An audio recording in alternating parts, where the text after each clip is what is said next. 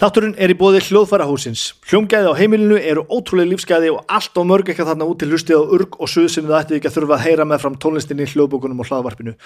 Hljóðfærahúsið selur sín stórkostlegu næm hljómtæki, það er N-A-I-M og enda þóttu séu til í alls konar útfæslum ætla ég að tala sérstaklega um næm Muso. Næm Muso 2 og litla sýstirinn Næm Muso Cube eru bestu þráðlösu hátalara sem ég hef komist nálagt. Ég veit að þetta hljómar er svo auðlýsingaskrum en þetta er nú bara satt. Hljómgæðin eru ótrúleg og nótkunnarleðinar er ekki bara ógeðslega margar heldur virkaða líka.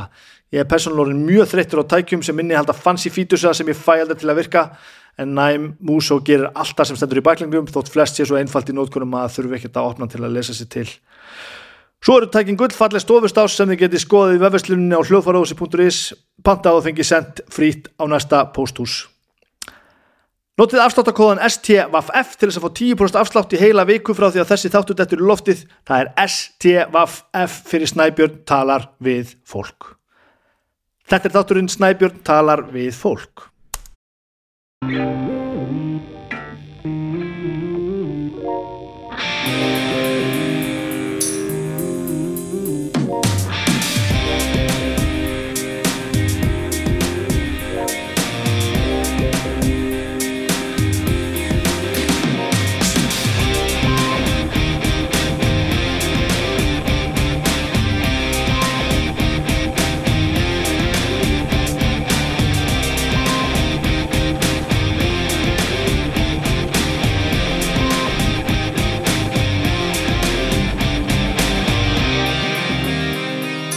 Þetta er aðeins að venjast, það er bara þannig.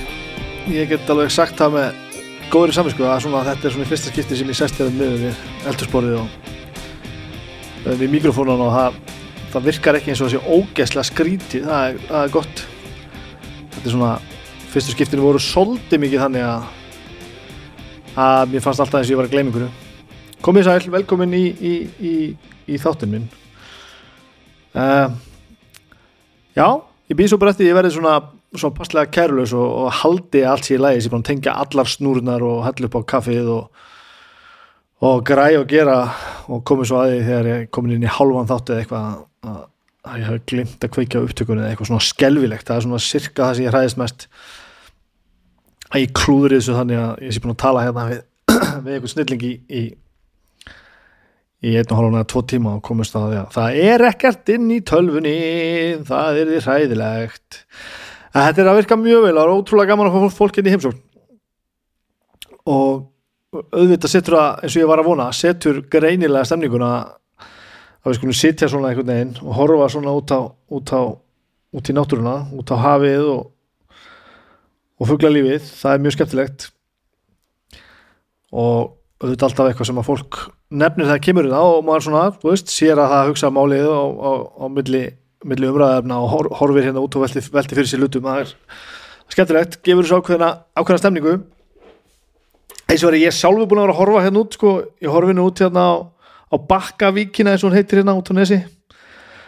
Og, og eins og gefur að skilja er hún að sjá að föllin hérna, það er flóð og fjara hér alveg, alveg eins og reglulega hjá öllum hinnum en maður verður svo ofbúslega mikið varfið þetta einhvern veginn að flæðir svo oft svo, svo hátt að og svo langt út af því að víkin er svo grunn. Hann ofta er þetta út á mið, miðja vík sem á allt, allir sem hafa komið hérna einhverja útífist hjóla hérna framhjá að labba eða hvað það er, vita hvað þetta er. Og nú er ég allt í hennu þessi, þessi maður sem er aldrei velt fyrir mig neinu svona farin að velta fyrir mig hlutum svo sjávarföllum. Finnst þetta alveg stórmerkilegt og eitthvað svona farin að, farin að, að hérna er svona farin að googla sjávarfalla töflur og svona til þess að sjá hvenar er sko háflóð og háfjara og hitt og þetta. Og þetta er alltaf alveg, veist, þetta er alltaf svona fáranlega óreglulegt, þetta getur ekki drullast þess að vera alltaf bara kláðan hálf tíu á mótnar eða eitthvað sem maður getur gengið þessu vísu. Heldur það maður að vita þetta. Og nú er ég alveg komin hérna með, með mjög mjög svona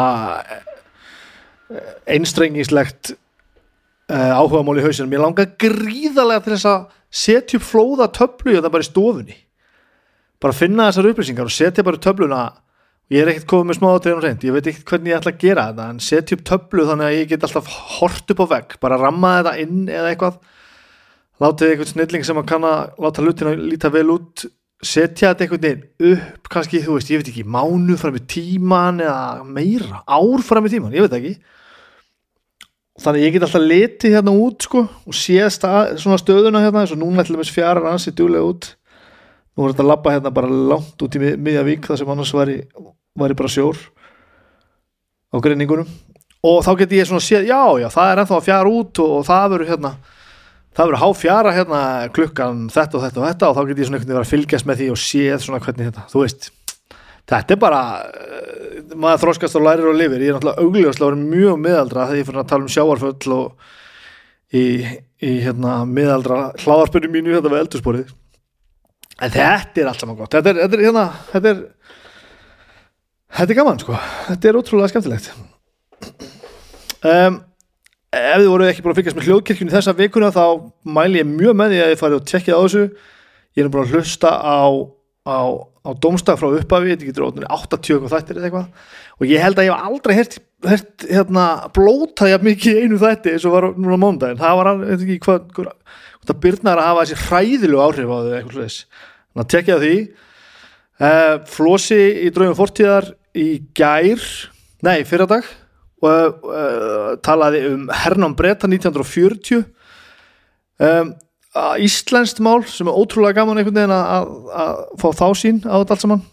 Og það e, virðist alltaf að vera ógeðslega gaman að fylgjast með flosa deila með okkur því sem hann veit og svo hvernig þú líður því að það lekur alltaf svo mikið að einhverju svona einhverjum hugrenningum frá andlega þungum manni skulum við segja. Mjög gaman að hlusta á það og svo er besta platan á morgun og það er Doolittle með Pixies. Besta platan með Pixies á morgun. Svona nú er ég fann að gera þetta aftur svo baldur er að banna mér hérna. Pff, nú er ég fann að hrækja í mikrofónu ég með þess að kifti svona svona rosa fína hérna svona, ég ætla að setja fyrir hérna. Svona, komið með svona grímu hérna fyrir svona, svona, svona puff puffnet svo að heyrist minni svona p, p. þetta er örgulega betra svona. Já, Pixies á hérna á besta platan á morgun, förstak og ég tók alltaf eftir því að það eru sem er algjör tilvíðun í síðustu viku var- að Dookie með Green Day og nú var að Doolittle með Pixies. Þetta var algjörlega óvart, þetta Doo-Doo stórmerkilegt, takk fyrir það. Góð saga Snæbjörn. Uh, eitt sem langar að minnast á viðbót er að ljótu hálfiðarnir er að koma saman aftur eftir já, var hvað, þrjár vikur eða eitthvað já, þriði og þriðja og fjórða, þriðja og fjórða júli á græna hattinum Uh, og það eru konið miðar í sölu á tix.is og grænihatturum.is þannig að tekja því ef að þið vilji koma og skála við okkur fyrir norðan. Það er gaman, ó það er gaman. Aldeilis. Gestur minn í dag var uh, Felix Bergson. Og við talsið tóku Felix Bergson fyrir ekki löngu síðan.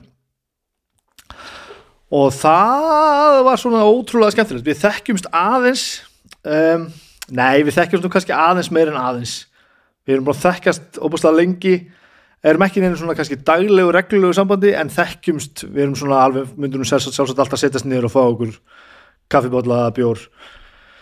Og, og kannski kynntust einhverjum sérlega eins og við fórum nú inn á í viðtalinu þegar við fórum saman eh, þegar ég var að syngja bakrætti með Pollapöngi í Eurovision, þá var hann kynnir.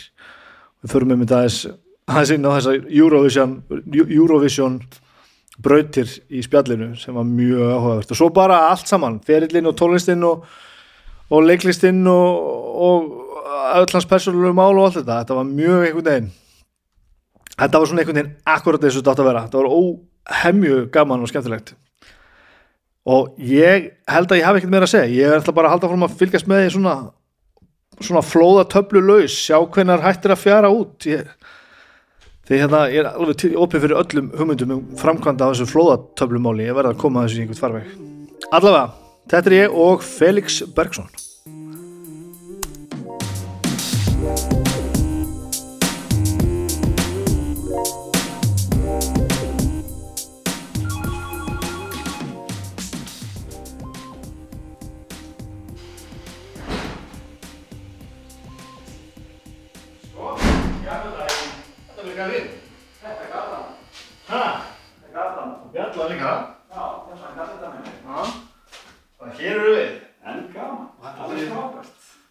það að maður einhvern veginn fyrir í fjöru, þú veist fjóru dagi viku og Já. þú veist þetta maður sér þetta bara Við hjólum hérna fram hjá þér mjög oft, sko. ekki Já, við vorum tók hana aðeins í COVID-19, fórum við að hjóla mikið, sko. Já, já En þú veist, meira.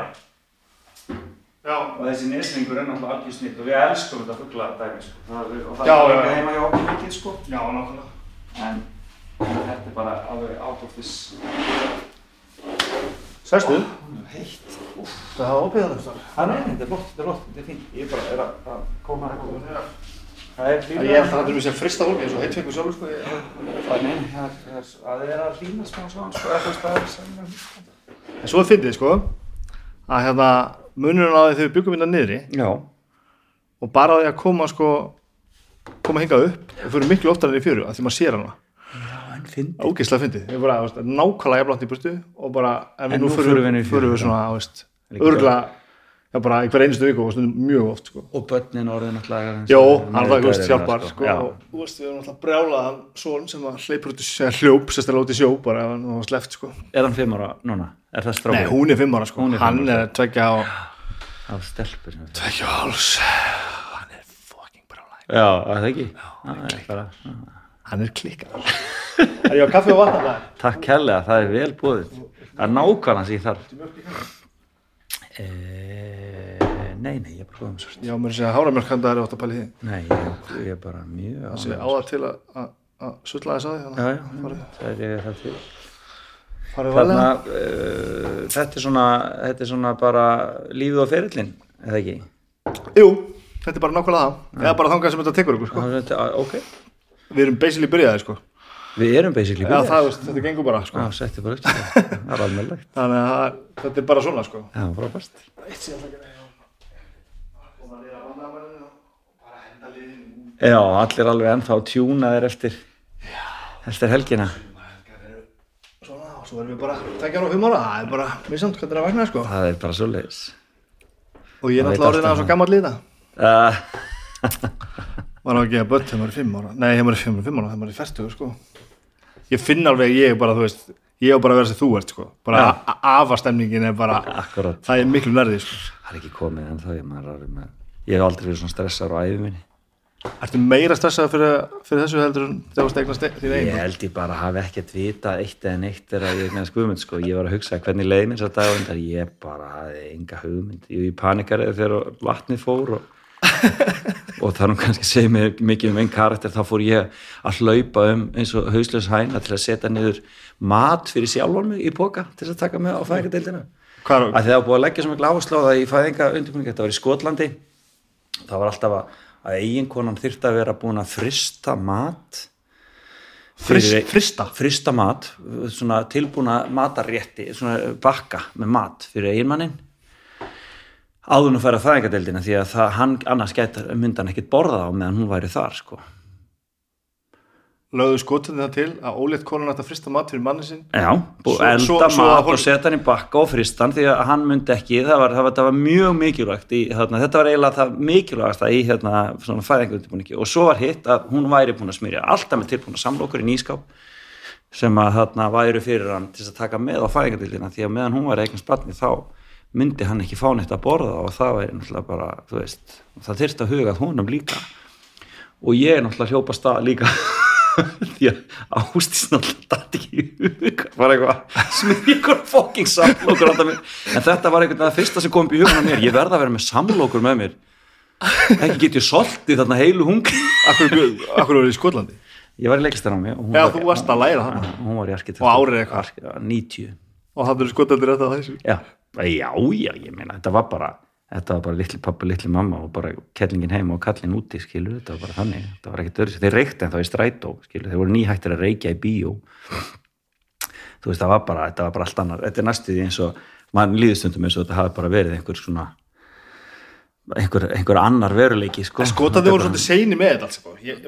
allavega, allavega, þegar, allavega þegar maður er að sko, tala við vinni sína englendingan á Skotan og Íran þá segja þeir allar þessa sögur sko, bara þeir eru nú ennþá að gera þetta sko. Já, og þeir, tölu, þeir, þeir bara trúðu á líkamlega refsingar og ég átti til eins mjög skemmtileg samtölu við vini mín í bekknum sko, í leiklistaskólanum sko. Mm. þeir voru að tala um þannig að ég var að fara að eignast batn og já, já, þú verður að og í einhvern tíma var komið til umræð og ég sagði ég myndi aldrei ekki hendur á barni mitt. Og það er ekki raskillingar og ekki neitt slíkt. Og, þarna, og þeir bara hlóða mér og sagði ég vil bara fá þetta þetta væri, virkaði ekkert svona skilu það þyrfti að nota ras, raskillingar og líkamlega refsingar þess að alveg börn, þannig væri þetta bara. Og það er fólki á þínum aldrei? Já, já, og, þarna, og ég sagði bara e, og fórum eitthvað að ræta mér og þá fóru þeir að segja mér frá hverju þeir höfðu lengt í sjálfur sko. mm. og eitt frá Norður í lendi fóru að segja mér frá því þegar það versta var þegar kennarinn dróan sem tók hann sko, liftunum á eironum og hann sagði að það hefði verið mest í sásöki sem hann hefði ímyndið en ekki ímyndið það væri hægt að finna svona mikið sásöka sko. Hanna, og ég sagði já frábært, þú lítur á að lært mikið af því. Já, já, maður gerir það. Og ég sagði hvað var það sem þú gerir ha, hvað var það sem þú læriðir hérna ég man það ekki. Mm. ég sagði einmitt, þú mannst refsingun en mannstu nokkuð hvað þú gerði það bara, þetta meikar engan sens ég man sko, eh, þú ert aðeins aldrei ég. Já. ég man að manni var ég var ekki, ekki illa fara með mig sko, Nei. en ég man að það, maður var sér tuskað til heldur en gert í dag. Já, já, ég var ekki raskeltur sko, ég held ég að einu sem er raskeltur ég held að það hefur eitthvað svona tilhörn hjá mömmu sem bara nei, nei, nei, nei, nei. Já, þetta er ekki gott. Þetta á engin að gera. Henni er líðið verð en mér sko. Já, nei ég, ég ólst, ég meina ég árgeð 67, ég, það var aldrei það voru engar, engar líkamlega refsingar á mínu og ekki drefið í því nei, nei, aldrei neitt svolítið ekki sem ég man eftir mér sko en það er nú bara svona það var nú kannski. Svo sé alveg hreinu þá lögðu fóröldrar mín ekki, ekki, ekki hendur ég man, ég man eftir þessari til ég man hvað þetta endaði eitthvað endarslegt og bara, bara, bara hvað, hvað er fólk að gera sko? Nei, ég sko þetta er náttúrulega þetta er bara ákveðið tap. Ég held að fólk sé búið að tapa það fer þangað. Jú, maður man eftir þessu skóla aðeins að það kennar að mistu stjórn á sér. Já, já, já og ég man eftir sko rasisma og ég man eftir sko strákur sem var að, að, að, aðeins dökkur skilur að kennari voru, þú veist, að kennari kallaði hann, helviti niggara eða eitthvað skilur, já. þú veist, og man, man eftir einhverju slíku og man, man eftir einmitt að kennarar mistu stjórna sér og, og rifu í börn sko, já. en það, ég var aldrei einn af þeim, ég ætli, ég hef ekki bara verið og mikil, hérna, mikil kennarsleikja en hérna, en hérna en það var bara, en, en, já, maður mann eftir því, en það, það var eitthvað sem hefði aldrei viðgangast í dag, sko. Nei, nei, nei. en það voru stærri bekkir og það voru svona þetta var svona öðruvísi já, þetta var svona öðruvísi tíðarandi svolítið, sko. Ég man eins og ekkert þessu. Það var ekkert í kennslunum þegar ég var, sko. Nei, nei það var bara meira, það var bara uppnám, sko. Ég var með kennslu konu, allt mitt, allar minni tíði meðlaskóla Já og, hana, og hún átti það til að missa svolítið stjórnina, Ástís Steinfossdóttir hétt hún. Og hún átti það til að missa einn stjórnina, hún varði reið sko, og, þá, og þá var reivið í sko, einhverja strák pjakka sko. það er bara svona. En það var eitthvað neginn ekki mm, það var ekkert svona sem að situr í manni mikið, það var meira svona þú veist þessi, þegar hún var örg og hérna og, og, og særði með orðum og svona skilur eða þú veist það var svona hana, já, já, bara svona alvöru reið. Já, alvöru reið sko. Og, hana, og bara réði einhvern veginn stundum ekkert alveg ástandið. Já, það er bara eins og það er skilur Föru bara hérna alveg, alveg tilbaka. Hvað, hvað er þetta fættur? Ég fættur á fóruð það mínu byggu á Vestugötu 45 ok. Uh, Afi hafiði eignast þar hús og rakðar vestlun sem hétt Gísli Jóð Jónsson. Og þau, af og amma, semst móður af minn og amma komum frá Ísafyrði og þarna og mamma hefði flutt í bæin og undan fjölskyldinu fór í mentaskólinni Reykjavík. Og, e, og semst mamma og pappi taka saman, þau kynntust út í, í takast með einn kynneil í Nóri þau voru bæði í Stavanger. Já. mamma læri hjúkun og pappa vinna fyrir loftleðir og þarna og e, hann var svona Reykjavík og Kaur bara algjör. En, þarna, en taka síðan ekkert saman fyrir sent mamma er honum 25 og pappi 30 sem er nú bara er nú bara háraldur já, já. á þessum tíma. En þarna, þannig að þau bygguð þarna í lítill íbúð sem af og amma sérst, móður af mér á amma áttu og ég sérst, Og komuðu þau, þau þá úr öðru sambundum? Eh, neini, það held ég ekki. Ekki það, það sagt, þau hafa minnst alltaf sagt okkur það. Það er eitthvað mega leitamál nei, nei, ég held bara að þau voru bara hvort þau voru bara vissu hvort af öðru og byðu bara rólega hvernig ja. það var þú veist, þetta bara tók þennan tíma að ná saman. Að vera bara bæði í samar landinu og geta einhvern veginn geta einhvern veginn þarna bara hafið, hafið sína sambúð sko. Þetta er sjálfgæfi romantík á þessum tíma já, já, já, þau voru, en þau sem sagt, já en, þau, þau, en þar fæðist ég. En síðan verður pappi skólastjór á Blöndósi og í barnaskólanum þar og gagfræðaskólanum og við fluttum um Blöndós og þar fæðast semst sískinni mín e, tvö næstu. Um, og ég er þá bara, já, ég er tveggjára þegar við flytjum á Blöndós sko. Já, eða verða tveggjára þannig að ég bjóð þar í sex ár fyrstu, svona, já, það svona þar slítum maður svona Nú alveg- ekki, þú manst ekki eftir þér hérna? Nei, nei, ekki, ekki, ekki þessi fyrstu ár en, en, en svo, og ekki þannig að ég man heil mikið frá Blöndósi en ekki svoleiðis rosalega sko, ég er átt ára þegar við komum aftur og ég fyrir meðlaskólan átt ára. Þannig að ég lít alltaf á meðlaskóli sem minn barnaskóli þó ég hef verið einhver tvö ári í grunnskólanum Blöndósi Já, ok. en það var mjög fyndi, ég fór í, á fermingabarnamót með uh, semst árganginu mínum 67 árganginu á Blöndósi um, ég hafði farið eitt sumar þegar ég var 15 ára unnið í, í trésmiðin í stíganda e, á Blöndósi svona aðeins bara til þess að tjekka á þess aftur svona, aftur. já, bara svona, þú veist maður, maður, þetta var alltaf í miklum dýrðarljóma okay. þetta var ekki staður til þess að eigða unglingsárum 15 á, ég ára. get alveg sagt þetta Ok. það var, þú veist, ég, það var eitt að fá, eitt að fáum skiptum sem maður stóð á brunni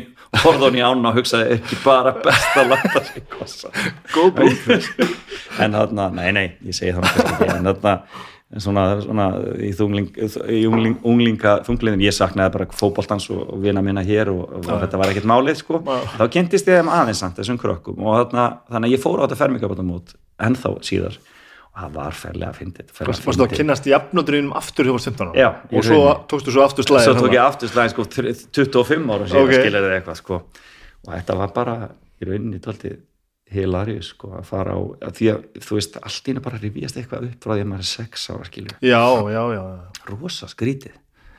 En þarna og, og, og einhver svona tilfinning ég tengdist þessu fólki einhvern veginn skilur Já, þó ég þekkti það ekki neitt. Mjög það er skemmtilegt. já, það er skemmtilegt þú veist, það er, það lifir einhvern veginn að fyrstu gerð. Þannig að þetta er bara eins og talaður um sko, með börn sko börn sem býr við eh, algjört afskiptaleysi fyrstu tvö ára æfi sinnar Mm. það mun aldrei tengjast einhvern veginn, það nær bara ekki tengingu. Á, Það er hræða maður svo, svo mikið með svona sko. Já, en þú á, svona, á svona ung börn, það bara sko Svo skiptir öllu máli. Fyrstu tvö árunum og bara, ok, Já. ég vil bara gera allt núna. Já, nei, nei, en það er aðalega það bara þau nái bara, ég, ég er bara að tala um hrein og klára, þú veist, ég er bara að tala um börn sem hafa alist upp á, hérna, á munaðleyski hæli það sem enginn sinnir. Þú liggur bara í rúmi já. allan sólarhingin skilur að, og, veist, þau vistna öðrum eigin skilur það er, veist, það er það er, það er það, það, það er bara og, ég, og maður finnur það bara alveg, það er bara þannig Mm. maður hefur hitt þannig manneskjur og maður veit bara, já, það, þessi bara manneskja þú veist, durlu klár veit, þú veist, fullt en það er bara engin, það er bara ekki mannleg tenging er bara, það bara, Já, já. bara er ekki það er mjög aðtilsest og en þannig að það, þetta svona aðeins segir manni það, að, þú veist, að maður bara einhvern veginn kynntist þessu fólki frá tveggja til áttur aldurs Mhm. og það er einhvern veginn annað, það lifir aðeins í frumunum og skilur, góða manneskjur. Skemmtilegt. Aðtilsest Og hvað, uh, þegar þú kemur hérna ertu það bara svona ógeðslega venjulegt svona reykjæku barn að spakki bolta og bara já, já, fór bara beint í meðlaskólan og í, hérna, í lúrasveitina og í uh, fótboltan og allt það og Lúðrasittin á hvað spilar túpu. Og engin smá stjórnandi sko, einn með, að sko legend Páll Pampengler Pálsson. Sem var sko, Pálsson, sem var sko stjórnandi sinfoníunar þannig að þetta var ekkit, þetta var ekkit smá, Og dæmi sko. vantalega stjórnandi sinfonir á þessum tíma uh, já, já, já, já. Og þetta var bara alvöru starf og maður bara ekki alvöru þú veist, þetta var bara einhvern veginn tengingu tónlist á einhverjum alvöru skala. En ég, ég var settur á túpuna ég og Sigurður Valtísson sem síðar átt eftir að vera bankastjóri og, þarna, og, og svona líkilmaður í hruninu. Vorum í En það voru til þeirra ártúfur Ok. Bibi og ég veit ekki, kannski segir þetta allt um hann eh, versus mig, en hann náði að vél út og hann hefði tvær, eina heima og eina í skólan ég var með það einu. Þetta, þetta sem þýtti það að ég burðast að stað á þriðjutugum og fymtutugum með helvítið túpuna Og og íþróttudótið og skóladótið þetta, þetta rammar inn og svo gekk stéttirnar. maður vesturbæin á enda sko, fór í sagt, skólan með túpuna og íþróttatótið og svo spil, hana, var hljónstaræfing eftir, eftir, sagt, hana, eftir skóla og svo lappaði maður út í frostaskjóla og fór á æfingu hjá KR með túpuna og íþróttatótið og, og, og skólatótið og svo röldi maður vest, að ég síðan tilbaka skilur og maður let sér bara hafa þetta og alltaf með túpuna alltaf með lítist túpuna en þannig að, þannig að það allt það sem þú lýsir er mjög eðlilegt og, og hérna bara svona þægilegt og skemmtilegt og, og uppbyggjandi nema maður sér alltaf svona, já. Og svo hringdi maður mamma, verður að sækja mér þetta datta ekki upp, skilur nei, nei, nei, fyrst minn, gottu bara heim. Og let maður segja Og það en ég var átti bara rosa góða þú veist, það var, og eignast mjög fljótt mjög góða vini þannig að þetta var bara ekkert mál eins og að Þóri bróðir, hann var tveimur árum yngri en ég mm. og hann lendi svolítið upp á kant í meðurskóla og einelti og erfileikum og þarna var erfitt fyrir hann að koma ángað einn sko bara svona beinu framhald því að koma, koma í nýtt já, nýtt frá, samfélag frá já. Blönduósi og, það- og bara það var erfiðara hjá honum að komast inn í þetta það bara eins og það er Já. þannig að en ég, ég átti og ég er svona alltaf verið svona sæmilega félagslega sterkur og var eh, frekur og, hana, og, og vildi mitt sko mm. Það er til dæmis þegar ég fann það út að ég, var, ég fann að syngja og mér fannst rosa gana að syngja en það var bara stúlknakór í meðlaskóla sko. Og hérna þannig að ég bara fór til Magnúsar Péturssonar sem var annað legend, var ég með morgunleikumin alltaf með Já. hérna Valdimar Örnur sinni algjör snillingur, hann var með kórin og var pianisti og ég sagði, já Magnús ég vil í kórin, ég hefur svona 10 ára. Nei, ég var 8 ára, 8-9 ára. Bara strax þarna og hann sagði, nei það er ekki hægt, þetta er stúknarkór og ég sagði, jú, ég vil í kórin, þetta er bara ég vil komast í þennan kór. Hann sagði, hann fannst ég ógislega fyndin og svo sagði hann, já ok, þú finnur annan strák, þá er, skulum við opna kórin fyrir ykkur. Og ég bara fór og, og gekk á línuna með bekkjasbræðu mín og fekk Hafstein Gunnar Jónsson við minn til þess að koma með mér í kórin og við breyttum sem stúlknarkór meðlaskóla í samkór, þar og þá. Sólskinskórin var ekki lengur sólskinskórin Já. já, það var mjög skemmtilegt. Er sagt og stóða hann við staði við það? Já, þetta hljómar, já, já, þetta það hljómar svolítið stóð fullkomlega þetta, 1976 sko þetta hljómar svolítið svona, svona, svona já, ef þú- reddar öðrum Já, ha, þetta var dálítið þannig, þá já, já, hérna, þá er- svo- og ég bara fór og gerði það bara. Já, já, þetta var ræðislegt og alveg stórkosluðu tími sem nátti í þessum, sko- í þessum meðlaskóla hvaðan kemur allir þessi músík í þig? Er, ég bara, mamma og pappi mamma spilar á gítar og hún, uh, það var alltaf stuð í ammæljum hjá okkur. Já, já. ógeðslega gaman, sett upp leikrit. Við ykkur náttúrulega blönd og sig og kannski ekkit mikið þú veist, þannig að þau bara þau byggu til svið og dróðu frá. Það var sett upp Já, teppi og þú veist, og dreigi frá og, og þarna, við hefum, hef einhverja myndir að leika Karius og Baktus og, og það var alltaf sungið rosa mikið og, þarna, og ég var bara alveg ákveðin frá unga aldrei að þetta væri málið sex ára, einmitt, hitti ég Pál Pampengler í fyrsta skipti, þá fekk ég að ganga upp á svið í félagsheimilinu á Blöndósi og aðfenda Páli Pampengler blóm eftir tónleika sinfóni ljónstæranar og ég bara ég veit ekki, þetta er kannski fyrsta sinn sem að stígur á svona, svona stórt svið innan gæsalappa og Já. það var bara ég bara vissi að þetta var eitthvað, þetta var bara eitthvað það var bara greip mig og ég vissi að þetta var eitthvað bara þetta stíga á senuna já, fyrir og framan standa alla fyrir sem er að horfa þig. Eitthvað, það er eitthvað þetta Sex ára? sex ára, þannig að það er bara já, og, og maður man þessi moment. Já. þannig að var kannski ekkert mikið í gangi þarna sko, þannig að ég fyrir bara að vinna því lengt og ljóst að þarna ætla ég að vera. Mjög fyndið, 6-7 ára. Alltaf. Og svona freka beint strik bara það? Já, bara, algjörlega. Og alltaf því ég var spurður, ég meina, ég var einmitt að fylgja eh, henni Selmu eh, Kjartansdóttur og Ormstöðum til grafar sem var eh, konan sem að ég fekk að vera í sveit hjá því ég var 8-10 ára í Dölunum í Dalasísla á Fellströndinni Ormstæðir heitir bærin og stórkostlegur stórkostlega gaman að vera þar og mikil lífsreynsla. En þarna ég var einmitt að rifja það upp, ég saði við hana sko, hún spurði mig hvað ég ætlaði að verða þegar ég er því stór, vorum einhverjum einhverjum bíltúr ykkur staðar og, og ég sagðist ætla að verða leikari. Og hún sagði já, nei en hvað ætlar að vinna?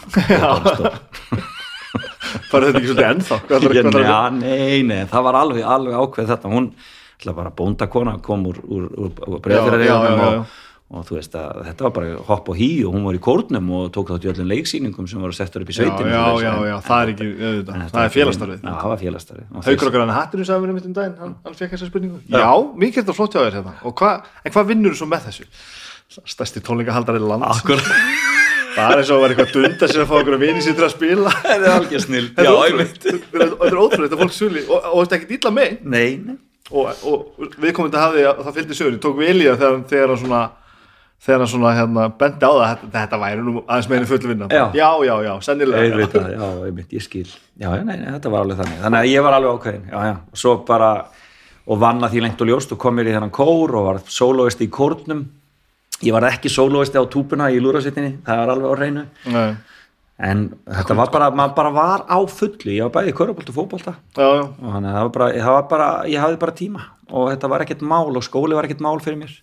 Var þetta eitthvað sem þetta, allt þetta félagsstarf eitthvað sem að fylgdi í skólanum bara? Var, nei, voru nei, krakkandi nei, bara það var bara við, þessi vinahópur var mjög aktífur já, í þessu. Og þarna, og svo var ég alltaf í leikritunum og þessu öllu saman. Og svo var ég komin á svið, náði að tróða mér á svið í þjóðlíkusinu e, 11-12 ára í leikriti sem eftir Ott Björnsson sem heitir Krukkuborg já, ok og Þórhaldur Sigursson leikstjóri við erum góðir vinir og og hann þarna, gengst í því að vera, bera ábyrða þessu öllu saman því að hann velur semst mig þarna í hlutverk te tekur fullt að strákum í pröfu já, og þá er ég komin í þjóðlíkusið þarna milli 11 og 12 ára þannig að þetta var einhvern veginn alveg mjög, mjög skýrt að þetta var það sem ég vildi gera sko. og hvernig fannst þér það þá? það er náttúrulega bara maður heyrt náttúrulega allar þær sögur þetta er náttúrulega ólýsanlegt ævintýri fyrir börn að komast inn í þann álfa kastala sko. Já. það er alveg með ólíkindum sko. þetta er náttúrulega bara fyrstulega hans maður svo gigantist stórt sko og, þarna, og fá að lappa þarna gangana og, og, og, og vera upp á svölum og fylgjast með æfingum og, og fá að fara á leikrit síðan önnur leikrit, ég fór fekk að fara á fullanest leikrit svona með sko, sá grænjaksla og, þarna, og það var Egil Ólafsson og það var bara ég aldrei, ég bara, ég er ennþá starströkt ég hitt Egil eftir það sko, er bara, það er bara, hann, er, hann hafði meiri áhrif á mig held ég en flestir aðrir. Ef ekki bara allir aðrir hann, ég bara, mjög aðstann, og mér langaði til að verða eins og Egil sko. mér langaði til að verða eins og Egil ekkert flóknar það það var ekkit öðruvísi sko. hvernig hefur það gengið? Mm, ég veit ekki, veit ekki. Já, ég menna, við mistum báður hárið við getum, við getum byrjað þar en maður miskast í minna mála að þegar hárið fór að því að Egil var búin að missa líka sko, þannig. hvað, svo áfram upp í skóla og svona, hvað, hvaða leið fyrir þar? Bara fyrir Hagaskóla þetta er þessi uh, Hagaskóla Íslands eins og maðurinn segi og hérna og þá var ég fann að gera ég var, ég var batnið sem þið notuðu hérna, hérna eftir, þegar ég var í Krökuborg þá var ég batnið sem þið notuðu í útvarpið í útvarsleikritin, þannig ég fór að leika fullt á útvarsleikritin þannig ég var líka komin inn í útvarpið heilmikið og, og, og það bara svona vissu það bara aðeir gegnum þetta, þetta leikir Já, í rauninni var bara, ég var bara áhersamur og duglegur en það var bara, þú veist, bara, var bara þetta var þægilegt að fá mig og ég var alltaf viljur og alltaf til og útvarsleikus einhvern veginn bara vinklaðan inn og, já, og bara, og maður gæti leikið allt í svona, þú veist, og svo náttúrulega fara fyrir röddin og þá min- minnkaði það og þá bara fór maður að, að gera eitthvað annað.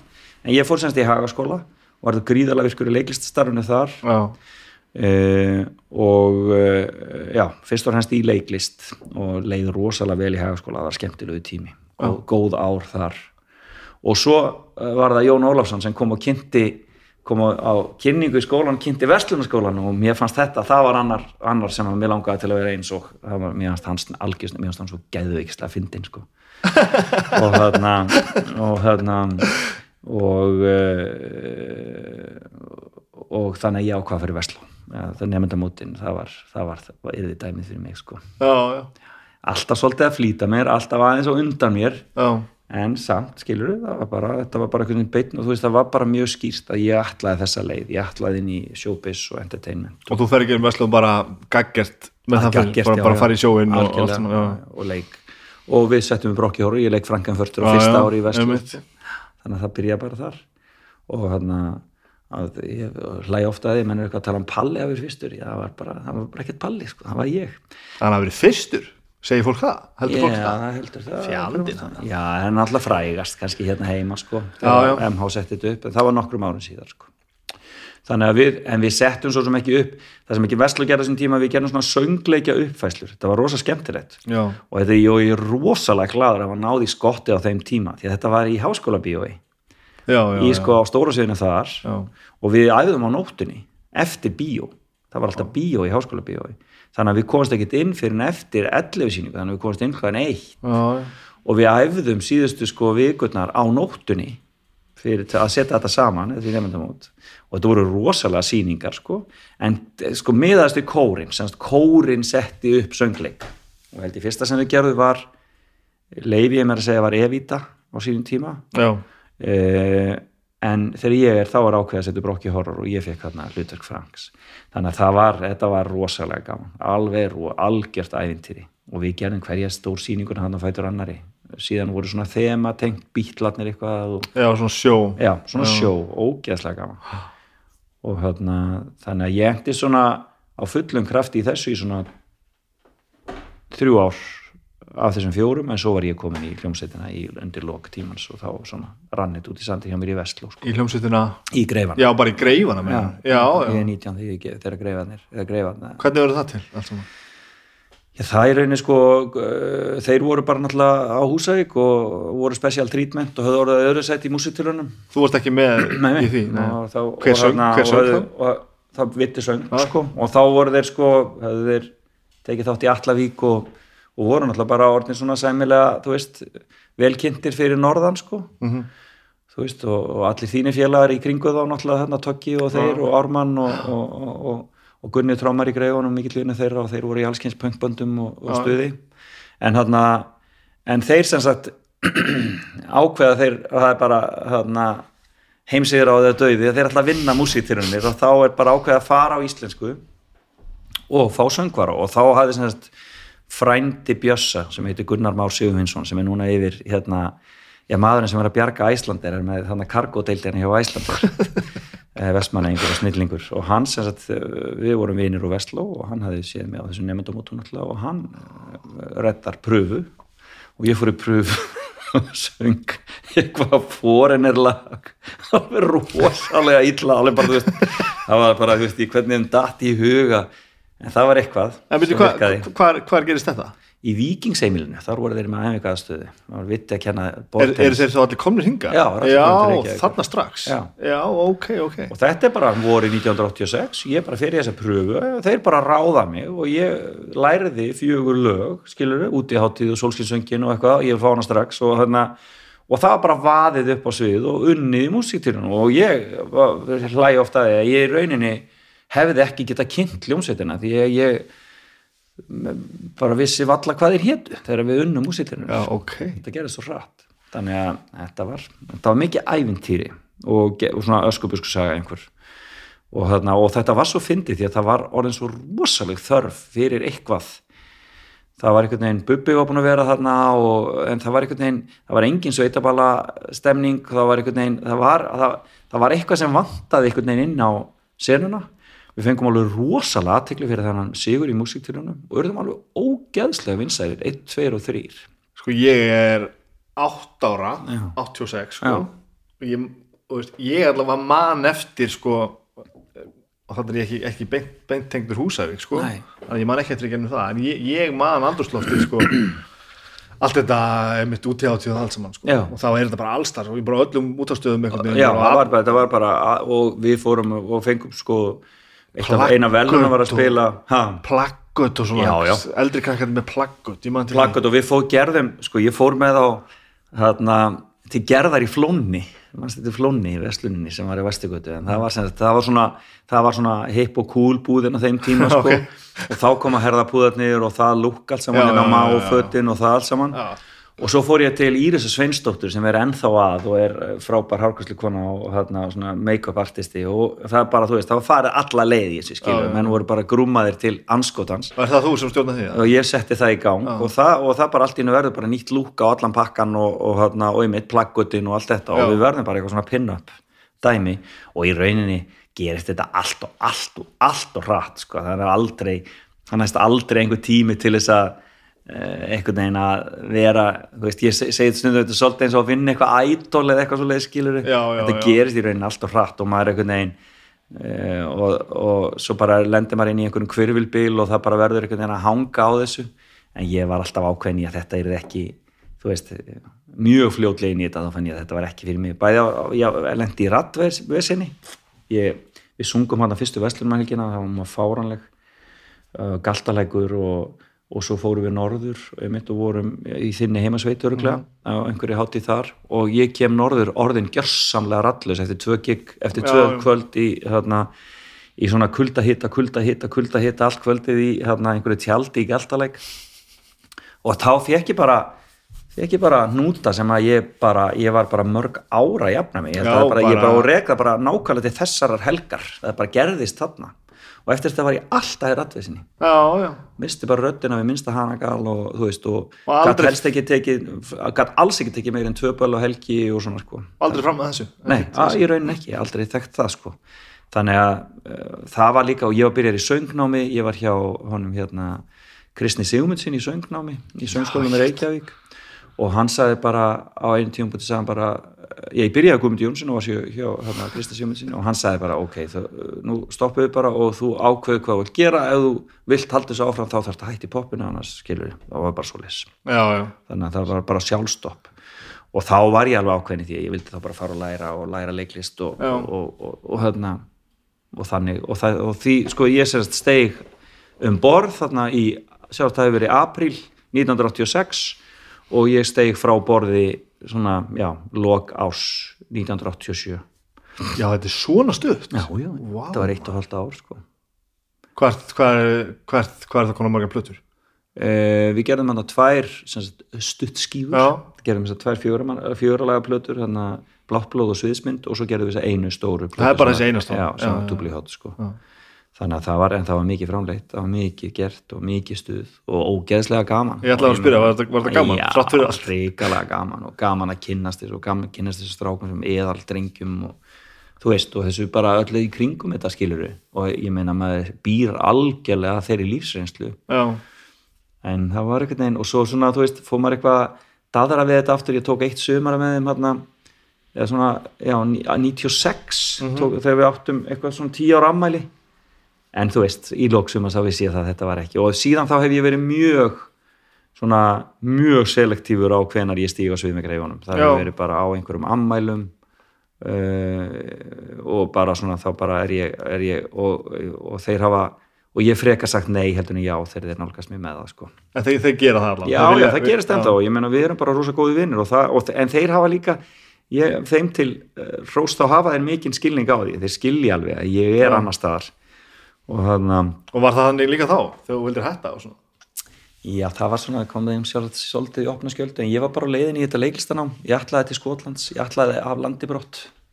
Og En bara taka mér en tíma. þið, þið voru náttúrulega súpertjötu Já, já, það, það, það var þannig. Hvað, þú veist, þið til að vera á þessu sveitabóla núti eitthvað Algjörlega, og hvaða böndur þá að spila? Það voru bara við og stuðmenn og, og, hérna, og uh, skriðjöklar náttúrulega og, og svo eru þau að koma þarna þau koma 88 Já, eiginlega Sálin- Sálin og Tóttmobil og Nýtönsk og Sólin það og saman. saman, já.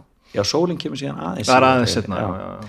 þannig að þetta var svona þannig að þetta er alltaf gerast þarna en við erum aðeins á undan þessu og áttum alveg markaðin, ég meina við þú veist uh, ég meina, ég man eftir kikkuðan sem vorum að rústa stuðmönnum sem voru í næsta húsi skilur Já. og það var, og manni fannst það næstu því helgispjöld sko, eigill, eigill minn Mhm. Já. skilur en þú veist, það var bara þannig þetta var bara, og það var alveg sama hvað það var hlöðum, við áttum Suðurlandi eins og að lagði sig, ég meina hérna, kvólur og kvólsvelli eitthvað árið þá þarna, eða það hefur verið 86 sjálfsagt eða 87 að þá við heldum jólaböll þar á annan jólum og ég hefði sjálfst verið 87 og þá þú veist, það, húsi tók 300 manns og við seldum 1200 miðar Já, skilurðu, þetta var svona, þetta var bara fáran þetta var, var allt vittlaust bara. Mhm. og ógeðslega gaman en þú veist þetta var einhvern veginn ekki alveg og svo er þetta bara, þú veist, þetta tengdist inn í svo margt líka bara svona, mig persónlega mig langaði að koma mér á landi brott Já. ég var náttúrulega í vandræðum aðeins með sjálfa mig og vissi ekki alveg, þú veist, hvað og, og einhvern veginn daldi á flótta undan öllu, sko Já. þannig að þarna mm, þú veist, að drífa mig að gifta mig og drífa mig eignar spatt og svo leiðis og, og vitandi það, það myndi í rauninni eitthvað stær innstein, held ég vissi að það myndi aldrei aldrei ganga til eilíðanóns Já. Þannig að það var bara svo leiðis hvað, hvað ertu gammal þarna, 86, 88 Ég er 19 ára, 19, 19 ára til 21 og þá, og svo förum við út sem sagt, í, um haustið þannig að þú ert að, klá, 88. þannig að þú ert að klára veslu þarna og, Já. og greifana? Ég klára vesla 87 og hérna og e, sem sagt, síðast árið mitt í Veslu er ég í greifunum. Og hérna e, og svo tók ég ár fór eitthvað aðeins í bókmæntir í háskólanum og svona, en fyrst og fremst bara að spila og- með greifunum Já, já, og flytja heimann og þú veist, byrja að eða pening eins og fáiði og þú veist, og láta, þú veist, algjört rugl og hef ég sambúð með Ástísi Já. þá konu minni. Og svo giftumst við þarna 89 og Guðmundur fæðist 90 Já. sonur okkar. Og þá, og þá ertu farin út? Þá erum við í Skotlandi og hún var semst í arkitekturnámi var búin að taka tækniteiknun sem grunn og fór svo í, mjög góðan skóla þarna. Og ég rauninni sko, við, þetta helgaðist að skólanum hennar hvert við fórum. Og ég fann mig bara leiklistu skóla þar sem var mjög fín og var þar í þrjú ár. Sem var eitthvað annað en hefði verið annars gert það? Hef... ég, ég, ég var komið með rosalega útrá mér langaði opbáslega mikið í burt. Já, já, og ég held mér hafi líka svona einstinni langaði líka bara að máta mig við annað samfélag og það sem fólk þekkti mikið og, og svona einhvern veginn að ég var aðeins svona þreyttur á þessu mér fannst svona allir hafa einhver ákvæmna sín á mann sem að maður e, sem náttúrulega er algjör, algjör yfirdramatík skilur eftir eitt ár í popbransanum fattar en þetta er svona, þú veist maður, Já, maður náttúrulega já, svo, en maður verður svo svakaleg og sentri, sko, þetta verður allt svo rosalega snýst um mann sjálfan, ég var náttúrulega búin að vera svolítið í þessu í langan tíma, þú veist, ég var náttúrulega byrjaðar að vinna professionalt 1978 já, 1979, er ég fann já. orðin atvinnumæður í fæinu, er ég orðin atvinnumæður í leiklist? Ég meina það er náttúrulega ekki sjálfsagt að þóla þú veist, maður finnur þetta strax um leið og, og, og andlitið á manni fyrir að vera þekkt einhvers staðar, þá fara allir að ákveða hvernig þú er Já, já, já ég varð ekkert- eitthvað, og ég varð eitthvað viðkvæm fyrir þessu öllu saman og eitthvað svona hérna, einhver saði við mig þegar ég var, ég var í einhver áramóta skaupið þannig rétt án ég fór í leiklistanám og, og, og einhver var að keira mig heim eftir það og sagði, hvað ætlar svo að gera? Ég sagði, ég er að fara í leiklistanám til Skotlands og, og við komum til að segja, já, nei, við varum nú held nú að við varum nú miklu frekar til í að fá því í skólan hérna heima. Mm. og ég sagði hvað er eitthvað fólk það, hvað ég, skilur hvert ég er að fara og hvað ég er að gera? Ég bara, fokk, fokk það allt sko. Ok, þannig að það var bara þetta var æðislegt og æðislegt tími í Skotlandi þrjú ári í Edinborg, oh my Edinborg, god já. sko. það er gott að vera.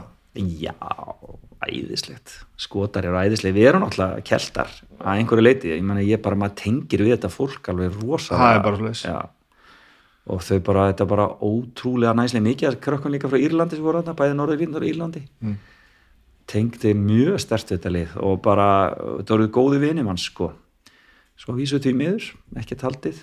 En þar fór ég líka band í skólanum og það var allt vittlust í kringum. Þetta var mjög skemmtilegt sko. Þetta var, og, en þetta voru svona þetta voru svona, þetta var svona tími sko eh, að, að, að það var samt einhvern veginn, maður var ekkert að fara að vera þar sko, þú veist á þessum tíma þá bara fór maður heim til Já, sín þú fórst bara út að mennta þig og já, svo heim og svo aftur, bara já, heim að já, vinna já, og það, já. voru, það var mjög flókið með atvinnulegi, ég held að ung fólk gerir sér enga grein fyrir hverju Evrópusambandið og, og, og hérna, Evróska efnahagsvæði og þetta hefur breytt fyrir ungt fólk sko. Þegar fólk er eitthvað að töða yfir þessu og segja bara gangur þessu öllu saman og bara loka landamærun og þá veit það ekkert um hvað það er að tala. Nei, nei. en möguleikarnir voru ekki stað, eh, til staðar hérna þessum tíma. Hef, það hefði verið mjög langar leiðir að því. Til dæmis var sko stjættafélag leikara gríðalega stert þannig að ef að þú komst að utan og fegst hlutverk þá var það sanna það að það gæti engin annar leiki þetta ákveðna hlutverk Já, sko, já, sem að væri í stjættafélagi leikara í Breitlandi þannig að þetta var alltaf gríðalega flókið en það er svona, þú veist, það er svona næstu 5-10 árum eftir þetta sem þetta fer að losna um þetta allt saman og í kjölfarið koma grúpur eins og Vestuport og svona sem geta þá bara í rauninni þú veist, farið að vinna á þessum höfnum, en við gátum það mjög ítla, miklu erfur, miklu flóknara fyrir okkur minni kynslu, sko. já. Hvað með þessu hljómsveit séru? það var bara, það er eitthvað hljómsýtt í skólanum The Custard Creams. Það var bara coverband sem tók nokkur gig á sko, einhverjum skóla hérna, einhverjum skóla hérna, uh, giggum og það var alveg einhverjum skóla skemmtunum og það var alveg ríkalega gaman, það var allt vitlist ég aldrei síðan en svita bað eins og inn í einhverju, hérna, einhverju nefnd aðstöðu hérna, en það voru, voru svona stór nefndafjölu og þú veist fullt að liði þannig að það voru mörgundur manns á þessum böllum og það draup svitin á loftinu sko, geðveikt gaman, ógeðslega gaman. Fannst þú fyrir því að komst heim þetta með hérna ég var að tala með þetta á ilmi um daginn þetta með hérna leiklistaskóla elitinu þarna það var svona eins og þegar uh, uh, leiklistar já, kvöldum þetta bara þá, þá elituna Já. hún hleyft ekkert sko, eða fórst út að læra þá var eins og það væri minna virði heldur en það var lært í háa skólanum hérna heima Já, neða, það var svona aðeins öðruvísi þarna sko. þetta voru nú aðeins aðri tímar því, og í fyrsta lega náttúrulega var, var ég aðeins þekktur þannig að ég fekk strax Já, eitthvað að varst, gera já. það, menn vissu hver ég var þannig að ég, gat, ég fór beint á Akureyri og tók fyrsta árið mitt þar ok, og það var æðislegt ára á Akureyri og ég kynntist alveg frábæru liði. Ég menna leiði íbúð með skúla gauta og hérna, þú veist og Valgeir Skagfjörð, hérna, Guðrún Gunnars eh, Steinun Ólína um, hérna, þú veist það var alveg frábært lið þú Ok. veist, og ég kynnist alveg þú veist, Kormákur Geirhars og, þú og, og, og hérna já, og við vorum semst fyrst í leikri, leikriti eftir Valgeir Skagfjörð sem hér Tjút og Tregi, það er mitt fyrsta verk í svona eftir að ég verði aðtunleikari mm. -hmm.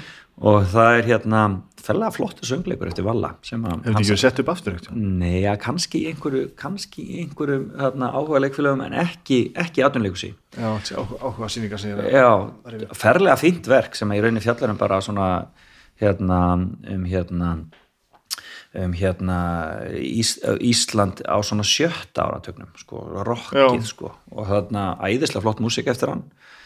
Og það var bara eh, var bara heilmikið success þannig að ég leikulegur og svo í kjölfarið er ég leiki hjá Sunnu Borg sem að leikstýrði Íslandsklökunni og þar fæ ég að leika Magnús í Bræðratungu með þessum frábæru leikurum sem þar voru sko, þráni, þráni og þeim öllum saman. Já, Karlsinni og hérna og, eh, og Elva og skólastóttir leiksni í fríði, þetta var, þetta var rosalega gaman. Að, hérna, að, og frábært ár og í kjölfarið er ég bara er ég í rauninni mjög orðin mjög eftirsóttur af leikusunum í bænum og í rauninni fer bara beintin í þjóðleikus já, og hérna í kjölfarið þessu.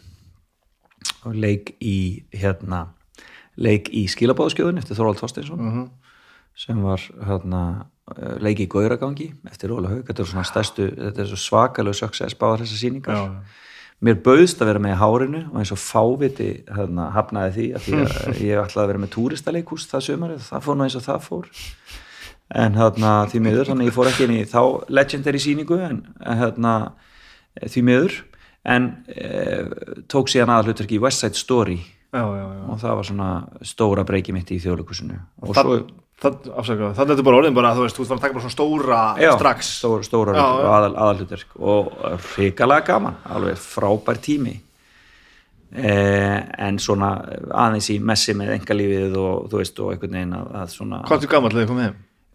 um, ég er 25 Flytt- og þið Já, ég er, ég er 24 í rauninni. Ég er 24 Og flytti öll saman á Akureyri? nei, þetta var nefnilega daldið sko að því Ástís hafði nefnilega tekið ár út þegar hún eignaði skuðmund þannig að hún þurfti, hún þurfti tók ás frí Já, já, já. þannig að hún hafði verið heima bara meðan ég kláraði mitt loka ár en hún átti eitt ár eftir í sitt sína bachelorgráðu Ok. í arkitekturnum og þannig að ég fór heim að vinna Mm. og, og á Akureyri með Guðmund lítinn þá- með mér Þið, já, þú fórst með hann með þér? Já. Já, já, já. og þannig að Eh, hann var mest passaða barn í, í, síðari tíma sögu Íslands var, það, það, það, þurfti, það þurfti sitt maður þurfti sitt jam hana. og það er raunni þar sem ég er að sætta mig það að þetta sé eh, ekki að ganga og ég verði að koma út úr skápnum mm. og var einhvern veginn ákveða það að ég ætlaði þá að láta Ástísi vita því að, sérst, að koma með þetta fram sko sumarið þegar hún væri búin og komin heim Já, já, já. En svo kom hún heim í jólafrí og hún bara er nú ekki, hún er nú óvittlust kona. Og byrjaði bara að ganga á mig og veist bara hvað væri eiginlega í gangi og hvað væri að mér? Og, hana, og, og þá bara kom það allt saman út. Já. og þannig að ég kom út um áramótin hann 91-92 fyrir henni og svo fyrir heiminum þá. Já. og eða fjölskyldinni þannig að þetta svona er að gerast þarna þá. Og svona svakalegt rót í öllu Og hvern, hvernig, er þetta langur aðrandi á þér? Ertu búin að vera... já, já, bara búin að vita þetta alla tíð og þú veist og hann að örgulega búin að vita þetta sín ég var, þú veist, ef maður fer að grafa þá er þetta svona 6-7 ára en maður, þú veist, strax farin að, þú veist, í mömmuleikjunum þá, hann að vildi maður vera mamman já. og hann að og, eh, og í unglingsárunum bara mjög skýrt sko og en alltaf bara algjörlega grafið, ég meina ég elst upp í það að eh, heima hjá mér var bara að tala um þetta veselingsfólk og lækkaði rómurinn. Já, já. Það, en það var ekkert verið að tala illa um einn eða neitt þar skilur þú veist, það var bara ekki rætt en þegar það kom upp og eirun á manni stækkuðu af því að maður er einhvern veginn Mhm. að þá sagði mamma, æ, þetta veselingsfólk. Og svo þarna bara loka á hana hérna í eldus og rætti málum við Tóti Frængu skilur hvernig gekk þeim þá að takast á við þetta að- mjög vel í raun. Og það, en sko, ég hef oft sagt sko mm, þetta er náttúrulega ekki síður bara þessi skilnaður sko, skilnaður er líka bara svo mikið áfall sko, við erum hann að þú veist, erum einhverjar svona vonarstjörnur og þarna í fjölskyldunni og komum lítið batn og þetta lítur allt ægilega vel út og þarna, þannig að þetta er, það er fólki mikið áfall sko, Já. þannig að þetta var svona, þú veist, tvöfald og svo kom svolítið hitt á eftir, já, já, já, skilur já, ég skil ég, ég skil. Ég þú veist og það er svona hægt að afgreita næstu eins og hvaða vittli sér í honum en svo svona eh, smellur sáveruleiki á en fóröldur mínum til sko hrós þá bara fóru þau bara í að kynna sér málin og þau eru bara um, já, bara mentuðu sig í þessu og, og þarna lásu sér til og, og fóru mjög fljótlega inn í aðstandita samtökin og inn í samtökunum 78 og, Mm. og urðu bara miklir stuðningsmenn en ég náttúrulega fór bara á hurrandi djam og stuð sko, það er rosa gaman. Frelsistilfinningin náttúrulega yfirgengileg sko. já, og maður bara gengur í gegnum svona önnur unglingsár þannig að 26 Já. ára 25, 6, 7 ára sko. Já, og fer bara alla leið í því sko. Veistu af hverju, af hverju kemur ekki út fyrir? Er, er, er þetta, er þetta því Já, það var bara, sko, ef þú ætlar að vera successful, það var aldrei það bara, ef þú ætlar að ná árangur þínu fæi, þá bara helstu þessu, þá varstu bara ekki að tala um þetta, skil. Þetta var þetta bara eitthvað sem var uh, uh, no-no. Og maður hafði engar fyrirmyndir, það voru bara engar nei, fyrirmyndir. nei, það er kannski með það Samkynnið sást ekki í neinum sjónvastáttum, þetta, bara, veist, var bara, þetta var bara algjört no-no og ég meina, þetta er svona að losna þarna í kringum 90 já, og hérna og svo bara verða risaskref. Ég meina 96 fáum við lauginu staðfesta samvist og, já, þú veist, og, og 99 e, byrjum við á hins einn dögum og, og því öllu saman. Og þetta bara gerist allt og þá bara kemur þá er þetta dásamlega við þetta dásamlega íslenska samfélag sem breytist úr að vera sko fordóma fylsta og homofóbiska samfélag í Evrópu yfir í bara að fara algjörlega omvend í hina áttina. Upplifur þetta alveg þannig? Já, það var þannig og það er sko, Ísland var þannig að fólk, menna, Hörður Tórason kemur út og það er bara, fólk bara að reyna að keira á hann og lögum, skilur þannig að það, bara, það þurftu bara allir að fara úr landi, það var bara, þú gast ekkert búið hér ef þú ætlar að vera lifa með þenni kynneið, skilur nei, þannig að þú varst bara að fara í starra samfélag og koma þér í eitthvað, eitthvað, gett og eitthvað staðar, það var bara þannig.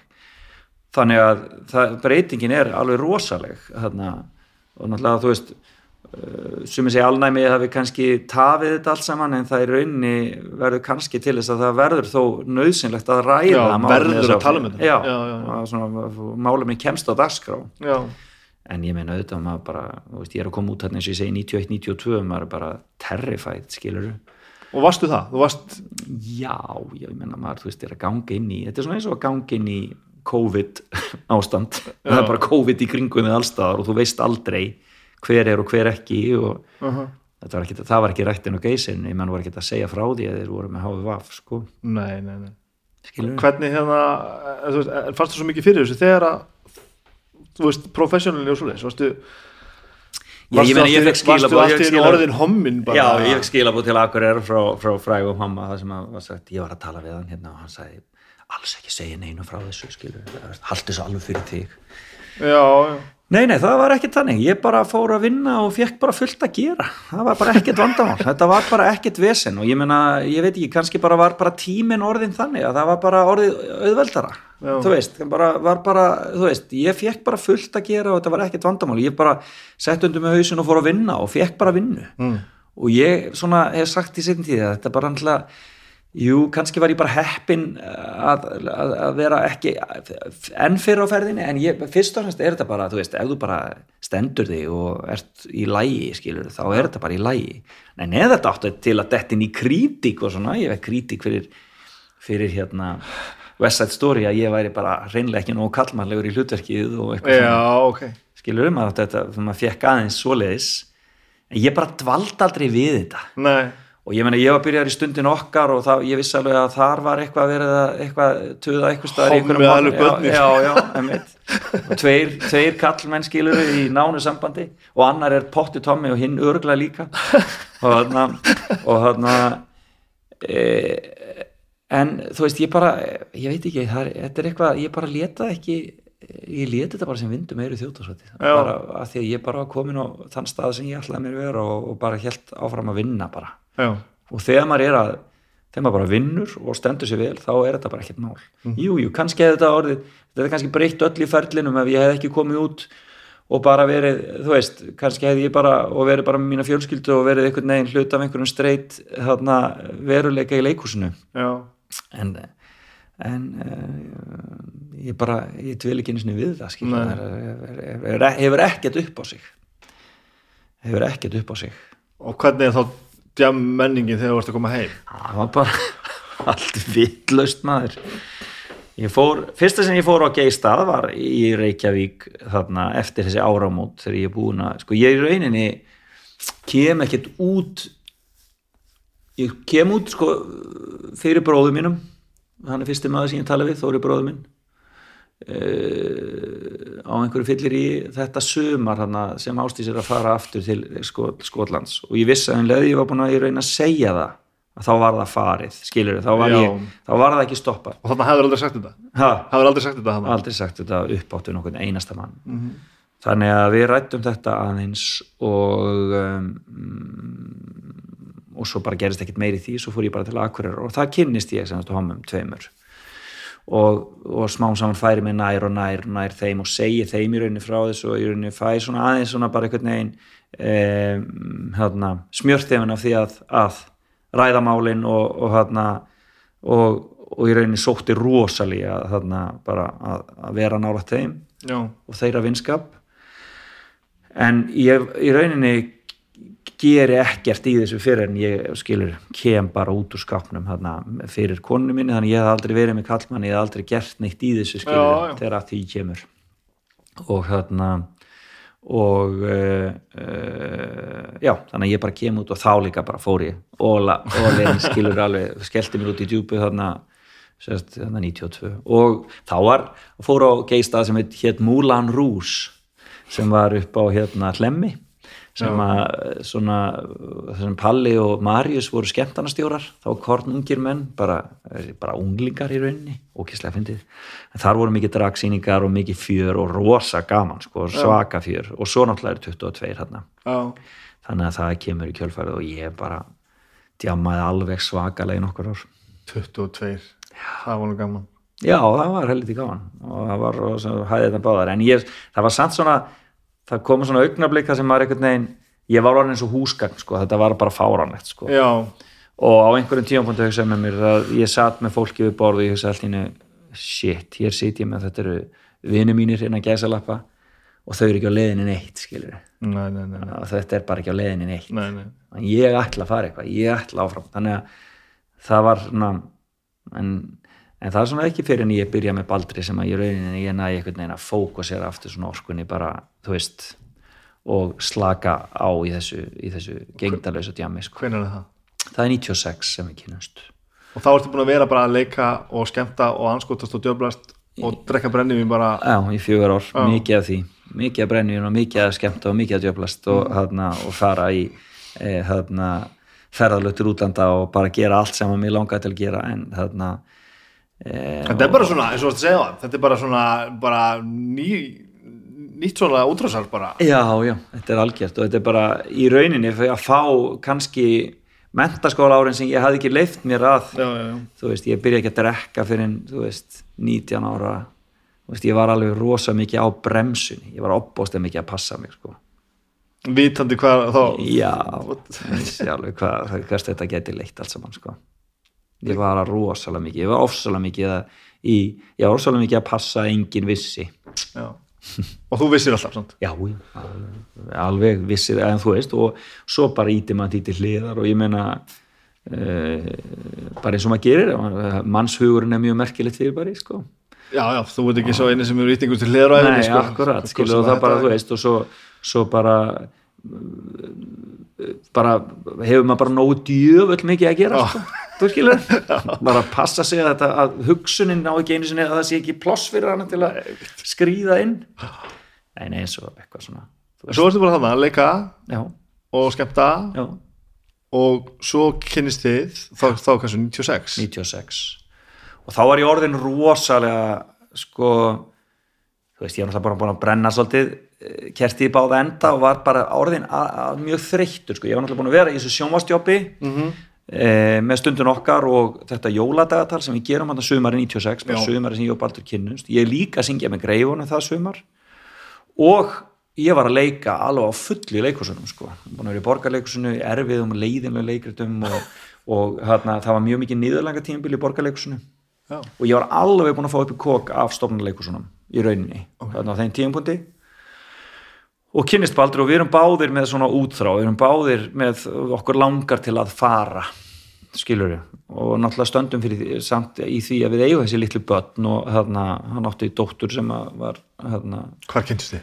uh, við kynntumst á 22 það endaði þannig, við sáumst þetta byrjaði þannig, við, ég sá hann í samtökunum 78 á Lindagötu, gamla húsinu, samtökuhúsinu og ég sagði bara, oh my god, hver er þetta? Og, ég, og við sátum við sama borð upp á bókansafni að lesa. Og að ég þyrði að áarpa þennan mann, það var eitthvað ekki séns. Og, og hérna, ég var ákveðin í því að þetta verið einhver streit háskólamæður að vinna einhverja rannsókn, hann var svona gaf frá sér þá ári. Og hérna og svo bara var hann komin aftur næsta fimmtudag og hérna aftur sátum við við þetta sama borð og, og hérna og hérna yrtum ekki hvora á annan. Og hérna og uh, hann segir nú hann sjálfur frá því að þannig að þá, þá var hann á leiðinni til London ferða sem hann búin að hlakka til sko í marga mánuði sko að því að hérna, hann var þá nýkomin út sjálfur sko. Og hérna en hann var eiginlega fann að sjá eftir ég verið að fara í þessu Londonferða því að hann var vissum að einhver annar myndi ná mér og meðan hann væri í burtu. Þetta, er, þetta er allt svo mikið lífsætta þegar maður er á þessum aldri. Og hérna en, en ekki það að hann fórði að tala um mig. Og síðan hérna í þriðja skipti hittust ég þarna og segjum ekki orð hvort við hann en hann heyrir mig segja við fólk sem að var uh, líka að ég sé að fara á 22 og að fara að kíkja upp á 22 það var á 15. kvöldi, það voru alltaf geikvöld og það var mikið fjör alltaf á 15. kvöldum á 22 hann fór heim, skipt um föt smelt á sér rækspýra og kom nýr á 22 og þá stóð ég á barnum og þá lappar hann inn og þá bara lappar hann inn, skilur þar með hann komið það var mjög fyndið, en var, þetta var ógeðslega fyndið. Þetta var einhvern veginn svona bara, þetta var bara þarna, já, það var, það var taldið aðdraðan að þessu, svo bara byrjuðum við að tala og við höfum ekki hætt því síðan Já. mjög aðtilsvert og, og rosalega fyndið að upplifa þetta bara einhvern veginn að vera algjörlega komin heim skilur og það var alveg mjög sterk upplifun þarna. Já.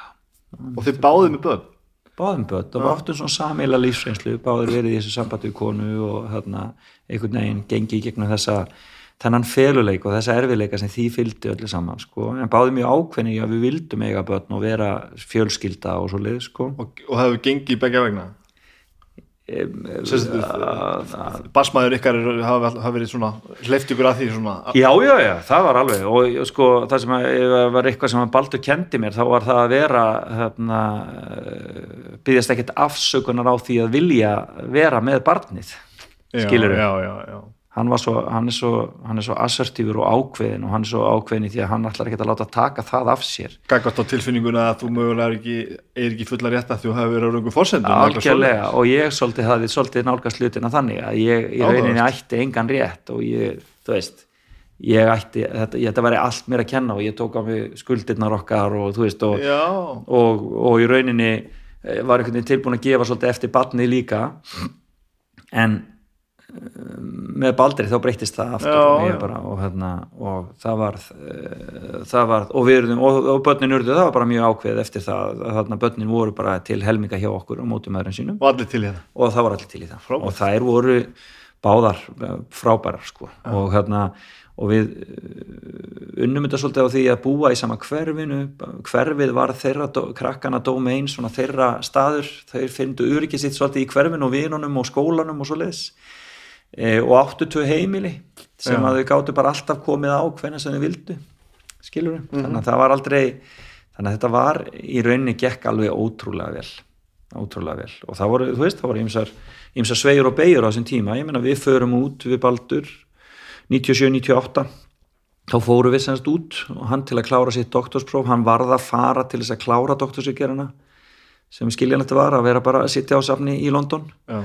Eh, og, já, og ég tók þá svona eh, postgraduate gráði í leiklistinni sem Já. var mér mjög mikil svirði og mikið, mikið mál fyrir mig að gera og Hvað? svona eiginlega byrjun á master Hvað þýðir það? Hvað er það að gera? Það fór ég fræ, svona fræðilegt á það njá, það var svona það var, það var kallað advanced theater practice og í rauninni var svona unnið út frá uh, svona leikópapælingum að þú sérst sagt að þú vinnur jafnvel út frá bara hugmynd uh, orði eða ljóði eða hana, að þú vinnur leiksýningu út frá einhverju öðru heldur en bara leikriti. Já, já. svona kollaboratíft leik, leikhús svona það sem allir koma og allir eru með miklu sterkar input. Og í rauninni er þetta eitthvað sem að er að gerast þarna á tíund áratögnum það verða til leikhópar e, í Breitlandi og út um allan heim náttúrulega sem að eru að vinna eftir svona aðferðum þarna þessum tíma. Vestuport er til þess mjög gott Já, já. um þetta og það leikhópar eins og e, Complicity og fleiri og, og ég fer að, og það í kjölfara þessu þá stopna ég minn eigin leikhóp og fer að vinna í bara í mínu eigin leikhúsi. Og það var alveg rosalega skemmtilegt og mikið gefurspor En þeir fóru út gaggert bara svo hann geti klárað og þú svona fannst þér eitthvað og ég vildi fara og læra meira líka. Ég var alveg ákveðin því, ég vildi komast að heima sko. Hann er aftur hvað, doktor í hverju? doktor í stjórnmálafræði. Í bara hérna stjórnmálfræði og hann er semst upp í Essex en var bara að vinna á þannig að við fórum, þetta var bara mjög agað. Ég í rauninni fór í skólan klukka nýja á mótnana og skildi hann eftir á Brits Library.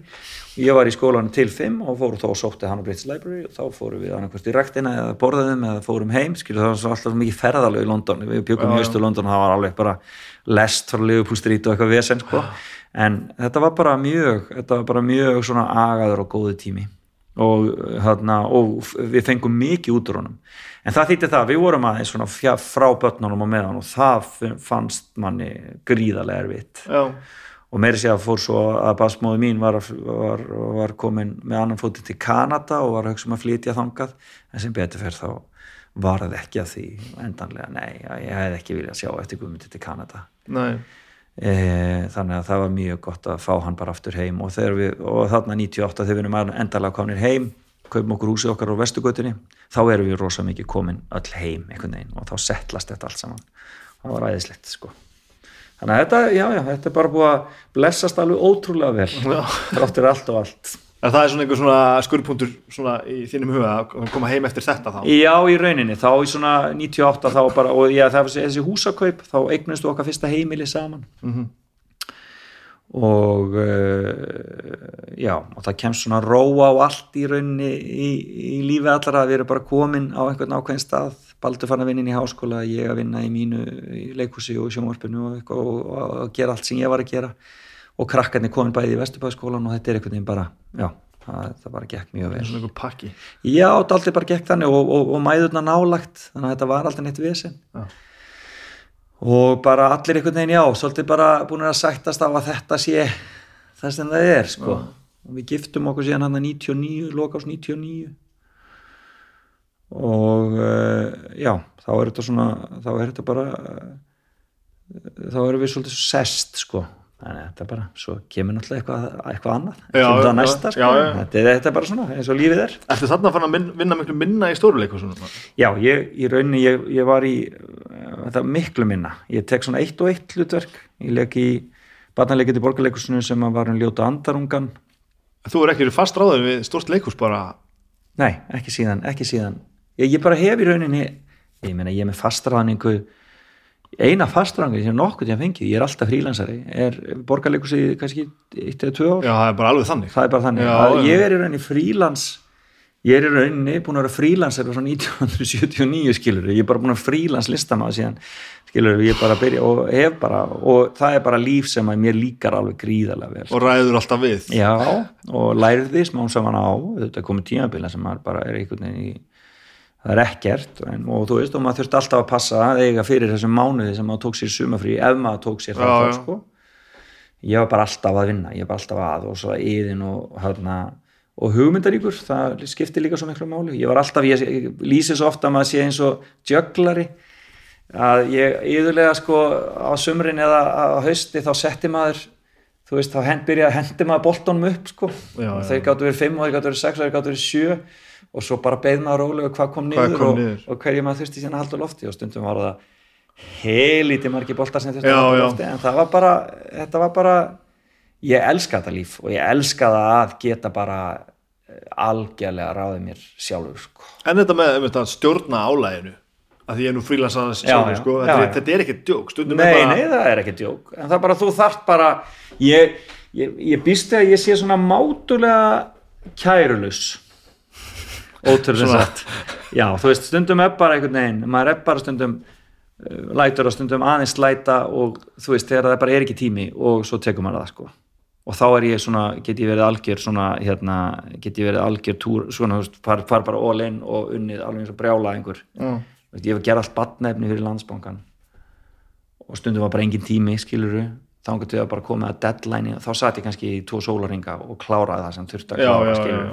hugmyndin var aðna og ég vissi alveg hvað ég ætlaði að gera en þú veist, ég þurfti bara að klára og bara hinn vinnan var eftir, þú veist, bara að sitja og skrifa það og ég gat þetta alveg sko. En þú ert miklu frekar uh, í svona framleiðenda hlutverkinu heldur en að vera að vinna, vinna verkunum eftir aðra með, sem sem aðrir er að stjórna Já, það varð, það varð þannig. Já. það breyttist þannig eftir þetta ár hérna í London 97-98 fyrir miklu meir í það að bara gera mitt eigið og, og það er mjög fyndið, ég í rauninni þú veist, maður reynir að vera ekki hérna nájaður gagvast í, en þú veist að allt í einu bara, allt í einu hættu leikursin í rauninni að, þú veist, það sjá, sjá mig ekki lengur sem Nei, nei, nei, uh, þann leikara skilur, ég er ekki leikarinn sem er að, og þau hætta bara og ég, þú veist, og ég eh, fór í nokkra bíómyndir en það í rauninni var ég aldrei álitin hluti af því, ég var bara í öðrum pakka, ég var bara að framlega mitt sjónvæsefni og framlega og gera mitt eigið stöf og þannig var bara, fer bara bransin að sjá mann og þá er það bara þannig. Og, og ég til dæmis sko ólíkt til dæmis Gunna að eh, þá er Gunni fengið fullt af kvikmyndum og öðru slíku og sjónvarpi og öðru slíku Mhm. Eh, eh, en ég fæ ekkert af því sko, af því að það bara einhvern veginn er bara minn, virðist vera mitt nafn og minn karakter og það bara stendur í vegi fyrir því að ég geti En þú myndir alveg taka þetta greina ef það kemi já, já, ég er alltaf ég er alltaf að banki selmu og alltaf að banki balta og svona minnaði á, að ég sé alveg til skilu þegar það sé að bara búið með allan hópin hérna í ófærði eða hvað er og maður bara, mm, Halló, halló ég er alveg til að leika sem að þið vilji skilur. en það er bara einhvern veginn er, en, það er, og, en það er líka svo fullkomlega skiljanlegt skilur. ég er bara ég held að Felix sé aðeins framar heldur en leikarinn skilur það er bara svolítið þannig og það er bara mjög erfitt að fara að yfirstíga það á einhvern sé að gera áhugavert. hann það er mjög áhugavert og í raunni hérna og algjörlega reyðilöst, mér finnst það bara svo aðteklisvert Mhm.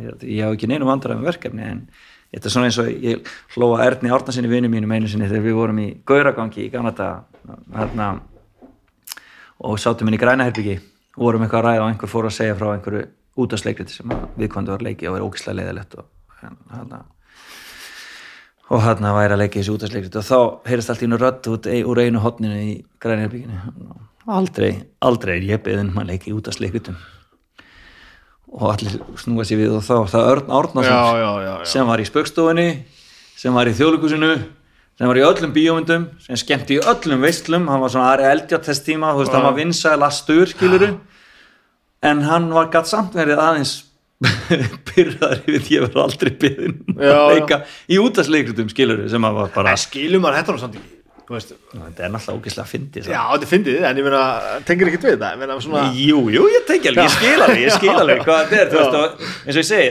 er, það er alveg hægt að vera nájaður, en þú veist, kom og, Já, skilur. já, já, já. og eins og einhver sagði, Örn, veistu hvað þú fengið borgað fyrir að vera í En útastlega? er þetta það? Nei, þetta er ekki það. Þetta er ekki það Nei, nei, það Ég man- gengið framhjá mér, ég það man- gengið framhjá mér. Ég man til dæmis eftir sko umræða um spöggstofumennina sko.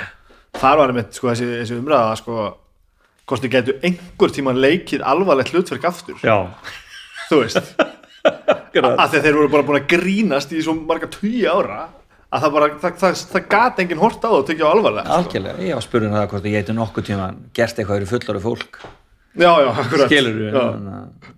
Þú veist, þú ert bara alveg búin að festa því í barnaefninu. En svo hafa þeir alltaf til dæmis bara einhvern veginn, einhvern veginn bara komið sér út úr því og bara, já, ég bara frábæri leikar Já, já, kannski það það, sem- það sem- það er samt sko en þetta er í rauninni, þetta er ákveð samt sko, við erum í ákveðinu ákveðinu privilegi stöðu hér að við eh, erum það fá og það er það mikið framleitt að það, það, veist, að við, við fáum ótrúlega mikið að gera á svona stóru spektrumi skilur við, í Breitlandi værir þú bara þungar okkari Já, og þú fengir ekkert annað, Nei, veist, það var enginn að fá þín eitthvað barnaleiki til að semja músík skilur við, það er bara ekkert skilur við, því þú væri bara þar já, já.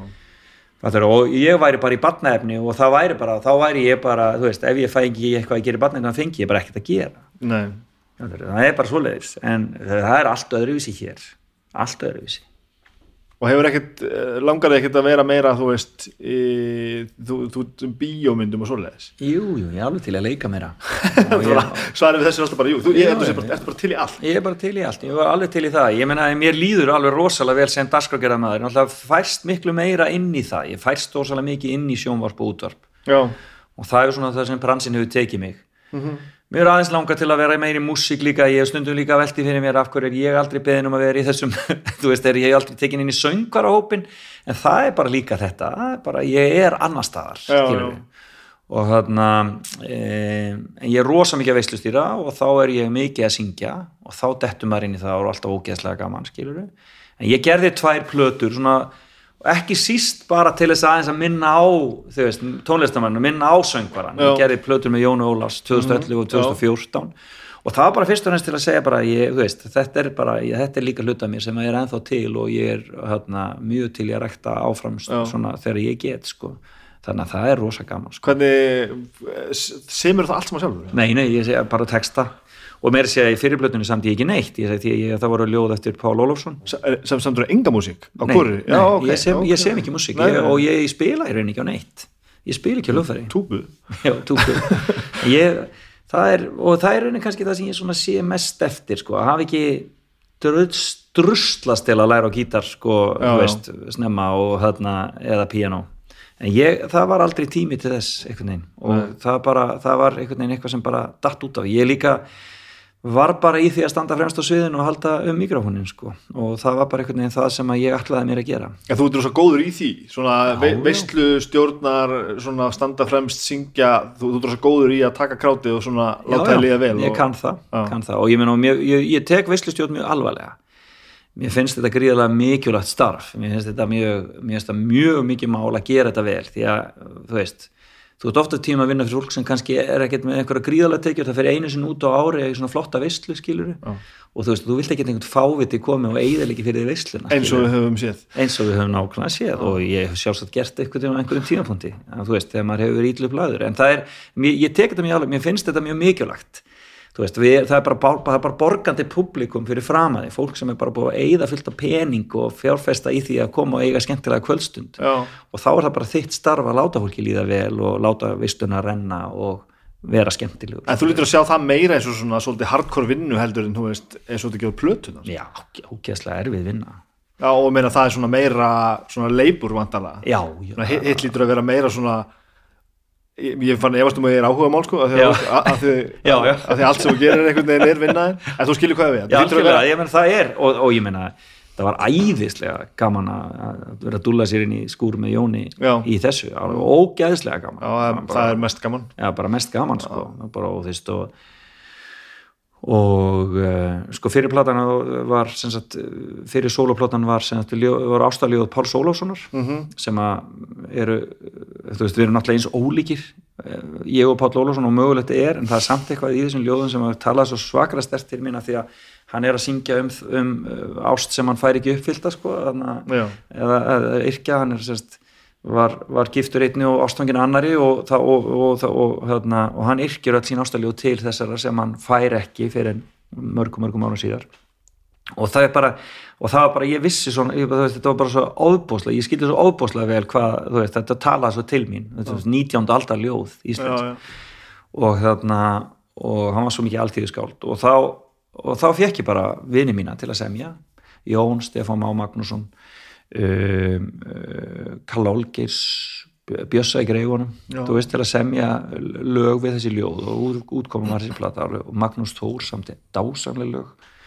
Þannig að það var ógeðslega gaman. Og líka bara sá það, en það er kannski líka svolítið pródúsentin og pródúsentin fer að stað og fær fólk til þess Já, að já. gera og svona. Og allir voru til. Og svo síðari platan þá í rauninni er ég að vinna með lög semst, eftir þetta, þessa menn og fleiri Eberg og fleiri og e, vildi bara gera svona retro popplötu svona svolítið svona 80s-lega svona, svona 80s soundandi.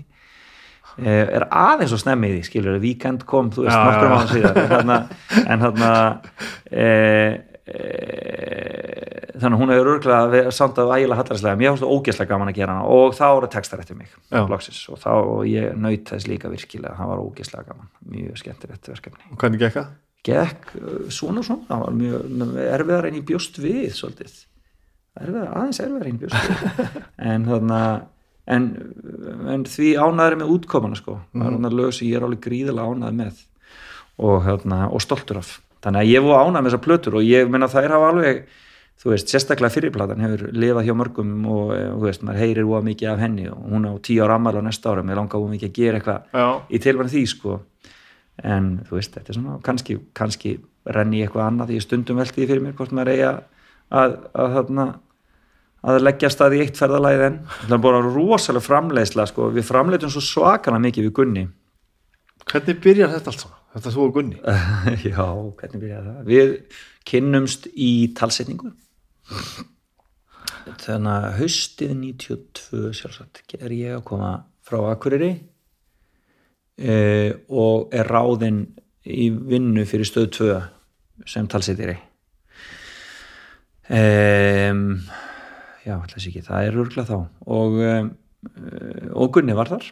Og við e, fengum hlutverk sagt, Bört og Örni hérna í Sesame Street sem eru mestu snillingar sem til eru. Og það er náttúrulega við erum hérna í íslensku Bört og Örni og ég hérna hérna, Ernie, það er þessi hérna sem er allir í nefinu og það veist streitgurinn sko, hinn og hún alveg eins og fóti. Og við urðum alveg ógeðslega góði vini bara í þessu. Já. og sátum inn á kaffistó og þetta var svo skemmtilegt því að það unnu alltaf leikara saman í þessu sko. Já, það var bara, var bara þú veist, risastóra spólur og það bara, þú veist, og það var aðalmálega klikk ekki því að þá þurfti að spóla tilbaka Já, og allir að gera allt sitt bara, Voruð að lesa bara einu eða? allir í einu, alltaf svo þetta fjögur og fimm við borð. Rosa skemmtilegt sko. ógeðslega gaman og frábæri leikara Sissa og Július Brjánsson sem var þú mikill vinnur okkar og við sátum hann að þrýrinu og Júli alltaf stríðið mér að káir gekk eitthvað illa okkar eins og venjulega. Og hann og e, já, þannig að þá verðum við vinnir og svo er ég eitthvað aðeins byrjar að vinna inn í sjónvarpi ég var með alveg ótrúlega skemmti þátt sem hann Björn Emilsson próduseraði, vinnu minn sem getur slett úr klaufunum sem var mjög undarlegur svona skemmt þáttur ég hafði miklar hugmyndir eftir að hafa hort mikið á sjónvarpi Breitlandi náttúrulega verið þar. Og þarna e, og það var gekk þarna eitt ár en svo í kjölfar á því er mér búðin stundin okkar. Er þér búin stundur okkar? Já, já, já. og uh, mín fyrstu viðbröðu bara nei, nei, ég var náttúrulega konar fullt inn í leikhúsið og ég ætlaði bara að vera í öðru skilur, ég ætlaði ekki að vera í þessu. Og hann leist ekkert á þetta. Og hann en segi, segi frá þessu á kaffistofunni og þá segi Gunni bara, ég vil ekki bara gera þetta saman? Já, já. og það bara einhvern veginn fittaði svo fullkomlega sko. Það var bara svo briljant og við vorum búin að ræða svo mikið um batnefni og ræða svo mikið hvað við vorum báðir bara ungir feður skilur Já. þannig að við bara kýldum á þetta og sáum um stundur okkar en það voru ekki nema tvö sísón 94, 95 og, Og það- 95, 96 Þá, þá verða til Gunni og Felix. já, já. og svona þetta sem að hafði kannski ekkit Voru mikið þetta tvö sísón? Voru þetta tvö ár? þetta voru tvö ár Vá. og svo gerum við jóladagatal Já. eh, eftir Þorvald Þorstinsson sem við Þorvaldur skrifaði eftir okkar hugmynd Já. hérna, leitina völundi Já, einmitt. og hérna og þetta var bara einhvern veginn algjörlega match made in heaven ég bara, eh, það er svo fyndið sko ég það er svona ákveðið fólk sem að ég bara lendi með og þá verður bara til einhver svona svakalegur treyða, hjónaband einhvern veginn. Og það er svona kannski kannski svona þrjár manneskjur helst sem að uh, þetta gerst hjá mér og, og, og, og ég bara kem alltaf að því aftur að vinna með þessu fólki. Og það er Gunni náttúrulega, Helga. Það er Margrét Blöndal sem að þarna, er, er stórkostlegur samstagsmaður í sjónvarpi og útvarpi og uh, síðan Kolbrún Halldórsdóttir sem að verður leikstjórin minn svolítið Já. og við vinnum rosalega mikið saman í mörg ár og söknum þess mikið að vera ekki að gera það ennþá Mhm. en hittumst eiginlega vikulega og, tökum stöðuna og, þarna, og þetta er bara örðu, svona, er, er fólki einhvern veginn sem að mér líkar og líður mjög vel með og, og þá maður kemur alltaf aftur að því að vinna með þessu fólki sko. Já, og uh, ég minnst Gunni náttúrulega bara uh, hann er bara bestur í þessu sko. Er hann Ég er- svona hryllilega alveg það er bara svakrætt að fylgjast er með mann svakalegt. líður og sé að hann ljóta að vera feika. Já, ég er bara, hann er svona duglur ég er bara, ég er bara eins og ég segi, ég stundu það, ég er bara skilit ekki. Hann er ótrúlegur. Hann er sem sagt hérna en hann er líka bara svo ógeðslega klár í þessu, svo Já. góður í þessu. Og ég meina því, ég er að leika núna í mömmu klikk sem er óbúslega gaman og einmitt, mjög gaman að fá að stíga aftur á svið og vera með í því og svona einmitt, Gunni dregur mig inn í leikhúsi Já, rosalega gaman. Og það er hérna og það er bara snildarverk. Já. Mamma klikk er bara, er bara, bara besta barnabók síðari tíma á Íslandi. Það er alveg ofbóðslega vel skrifubók. Ég las hana í símanum í flugvel þegar hann var að skrifa hana og ég bara hló og grét skil og fólk held að vera klikkað hann sagði, með síman að lesa eitthvað.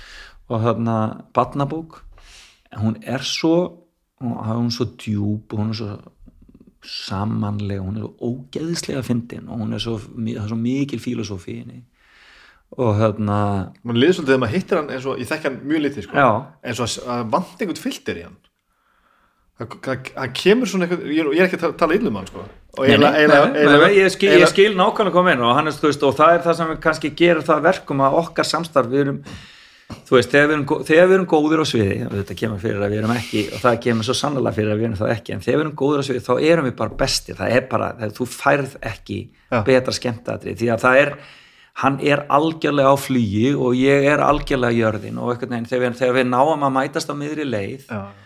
Og okkur líður vel og við erum hérna, í finnasónunu þá er, er bara, er ekkert betra sko. það er bara, og það er svo gott að finna það. Hann er, hann er alveg ótrúlegur.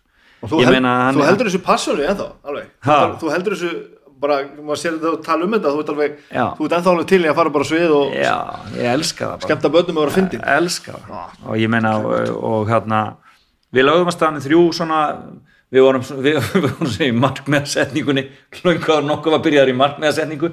Þú veist og það var bara það var fræðsla, skemmtun og virðing. Þetta við værum að fræða en við varum jafnframt að skemmta og, en við hérna, með fullri virðingu fyrir okkur og, hérna, og viðfangsefni okkar og semst börnunum. Þetta er, þetta er þetta, Já, þetta var mjög og, og, og þetta bara, þessi hérna, þrjú líkilorð hafa bara verið algjör líkil fyrir okkur sko Nei, hann er alveg ótrúlegur. Og ég meina það það hefur komið fyrir að við höfum komið sko að skemmt eitthvað starf, þú veist, hún að vöku eða eitthvað og þarna og við keirum, þú veist, og við komum og við erum báðararnir hásir því að við erum búin að öskra á hlátri, þú veist, alla yfir alla, yfir alla holtárið þeirna, og þá bara einhvern veginn eh, bara þegar það fer eitthvað í gang þá er það alveg, erum við algjörlega og einhvern veginn óstöðandi. Þannig að við gerðum, sem sagt, við gerðum 21 disk um tröst og trygg þannig að þannig að sögur um þá.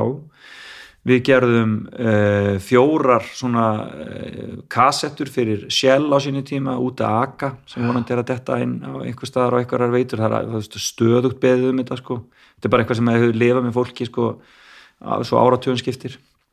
Við gerðum þarna stórar sögur og st þarna fyrir eh, sem að skífan gaf út bæði hérna landkönniði og svo náttúrulega gaf út alla músikin okkar þarna löginni Sjónsmíns Já, já. og, og við gáum út þarna tribute til Ómas Ragnarssonar og þetta hefur allt gengið alveg gríðarlega vel og verið og, eh, mikið til spilun og svo náttúrulega mikil útgáfa af, af myndefni já. og hann er að þetta er bara þetta er alveg ótrúlegt hvað þetta hefur verið uh, hérna, gefandi og mikið samstarf en svona, þú veist við höfum ekkert verið að búa mikið til svona í setni tíð, það er meira, þú veist, dottið inn í þetta leiksýningarnar, við gerðum leiksýningu, Gunn og Félis leiksýningu, Mhm.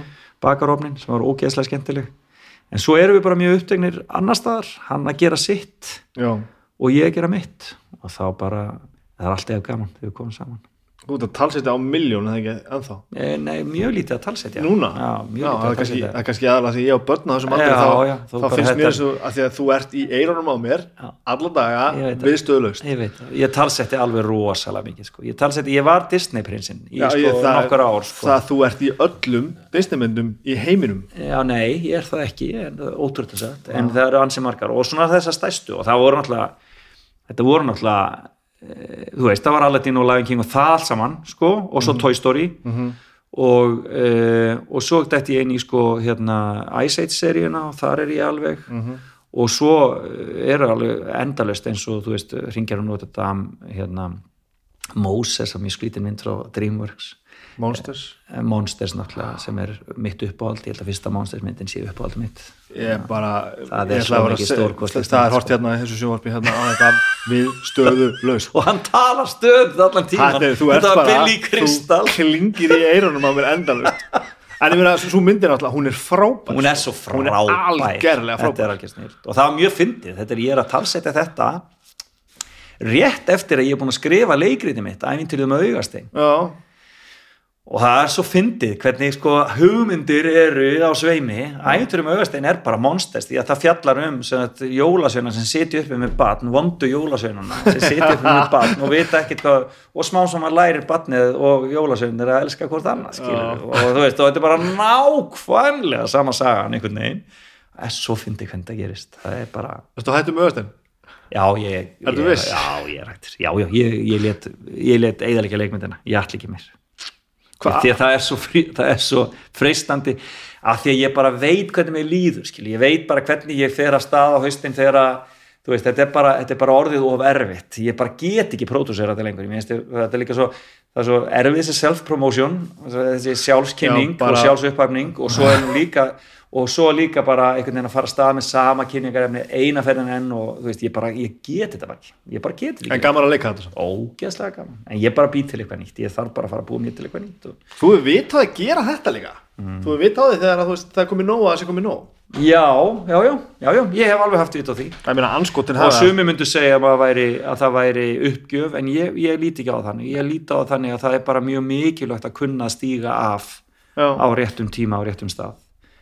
uh, og ég, ég er líka mjög meðvitað um að fólk fær nóa manni sko. Maður þarf einhvern veginn aðeins að gefa fólki breyk Líka á þessu litla markaði já og ég veit sjálfur hvað ég verð þreyttur á, á sjálfur mér og hvað ég verð þreyttur á ákveðinu fólki. Já, já, já.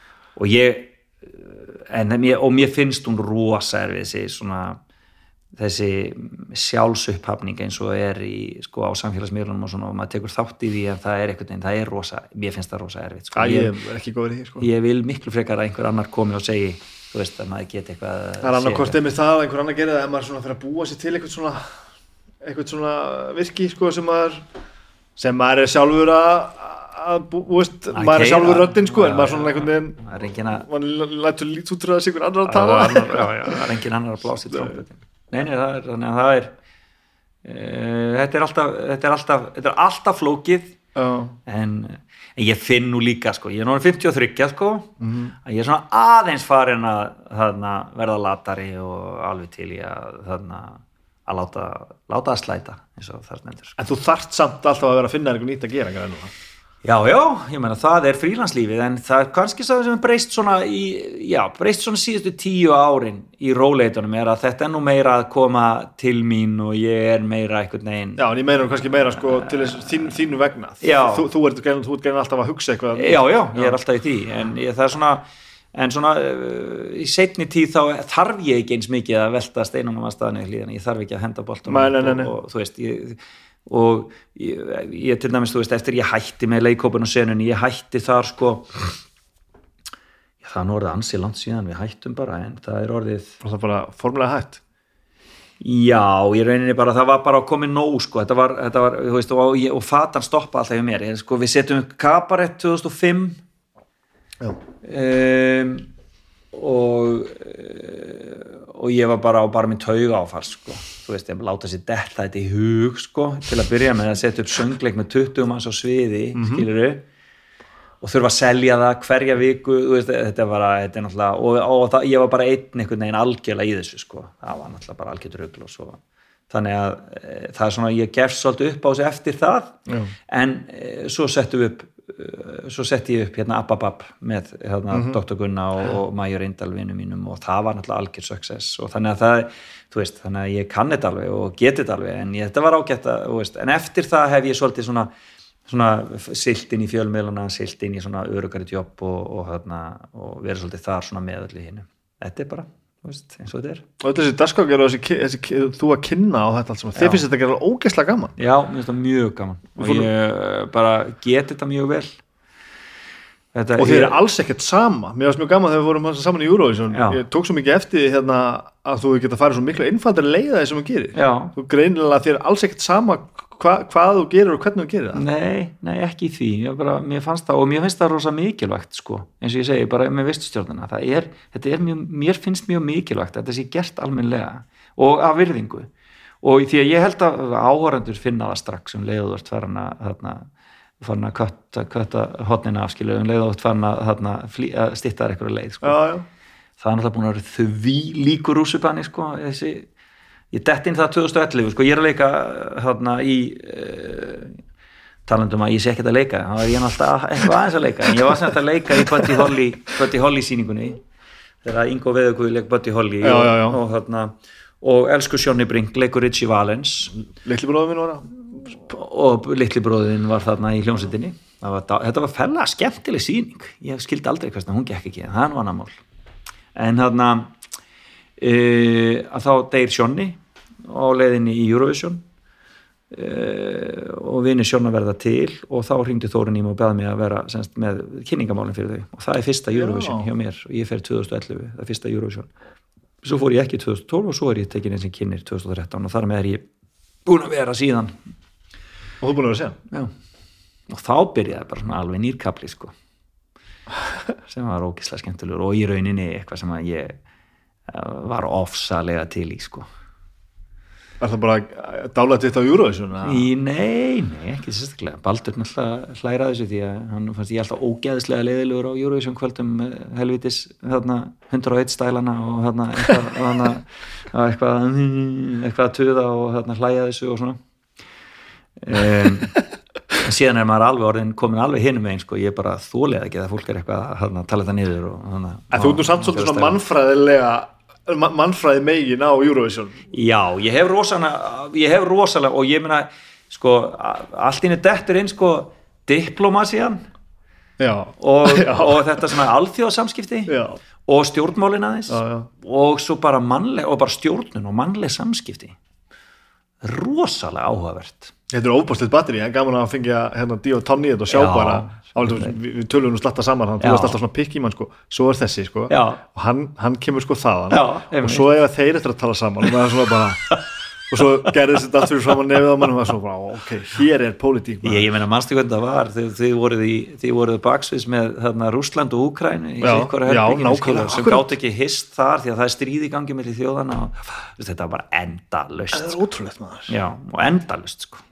Og er alltaf, og ég meina í fyrra Ísrael skiluru, þú veist, þetta er náttúrulega þú veist, þetta er alveg efintarlegt skiluru ótrúleg samkoma og líka bara einmitt, ekki bara, svo sér maður einhvern veginn sko að blessa þeir sko performarnir einhvern veginn standa svona svona na- svolítið til hliðar sko daldið og í rauninni uh, þó þetta snúist allt um og allir verða æðislega mikla stjörnur þá er þetta eitthvað, er þetta, er þetta eitthvað aðeins annað sko. Og þú veist, Eurovision fræð er svo sérstök fræð eins og sést kannski núna að þú veist að, að, að Daði fær Eurovision fræð en samt ekki. Mm -hmm, því að hann tapar ekki Eurovision eða þú veist, hann, er, þú veist, hann hefði unnið Eurovision Já, kannski að, þannig að núna bara er lægið hans bara fyrsta lag sem fer inn á svona háttin á vinsaldalista þú veist, í, þú veist bara, þessi stóru lög skiluru, það er kannski Euphoria síðast eða eitthvað svo leis já, er þetta alveg svona stort já, já, já, Það, og, það, og það bara, það hefur enginn verið að gera þetta undanfann ár, hann er bara á allt öðrum stað. Hann fær bara TikTok fræð og hann fær hérna, allt innar Amerika kveikja og eitthvað svona sem Já. að þessi lög hafi ekkert verið að fá. Nei. þannig að þetta, þetta er svo artiklisvert fyrirbriði, alveg ótrúlega artiklisvert Þetta ég hef aldrei séð auðvitað náttúrulega kannski eðlilega verið sem ég hef aldrei komin á svona stóri production fyrir það síðar nema stærri heldur en þetta. Mm. -hmm. Aldrei séð ja, ofbúslan kontrast á milli uh, amatúrismu á atvinnum sko. það eru svakalegt sko. að því að fullt af náttúrulega fólkinu sem kemur fram þarna veit ekki neitt nei ég er ekki, ég er ekki að tala um hæ, hæfileikana sko. það er alveg önnur umræða en rosalega margir sem að hafa bara ekki gert okkur skapaðan hlut og það er alveg magnað sko. já, já.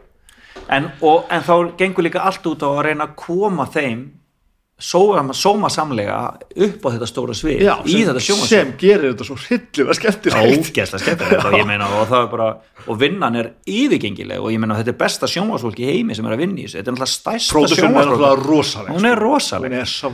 Og, hérna, og það er svo gaman fyrir mig sem hefur áhuga sjónvarpi, hefur áhuga listum hefur áhuga á öllu þessu dæmi og svo intríkonum öllum. Já, þetta, er bara, þetta, er bara, þetta er bara eins og þetta er eins og konfettkassi og hann en ef svo er þetta ofta alveg helvít erfitt og, hana, og núna þegar maður er fann að stjórna þessu það, er, það getur verið ógeðslega leðilegt stjórna, Já, því ég er orðin hérna, stjórnandi íslenska hópsins, ég er orðin náttúrulega þú ert farastjóri farastjóri, já, þú ert orðin sákall. Ég tekin við sko starfuna Sjón og Dans það er þannig já, Já, og það byrjaði, mín fyrsta var 2017 með Svölu. Já, já. og, þarna, og svo tók, var það Ari Ólafs og svo þarna, Hatar í fyrra og átti síðan að fara með Daða núna.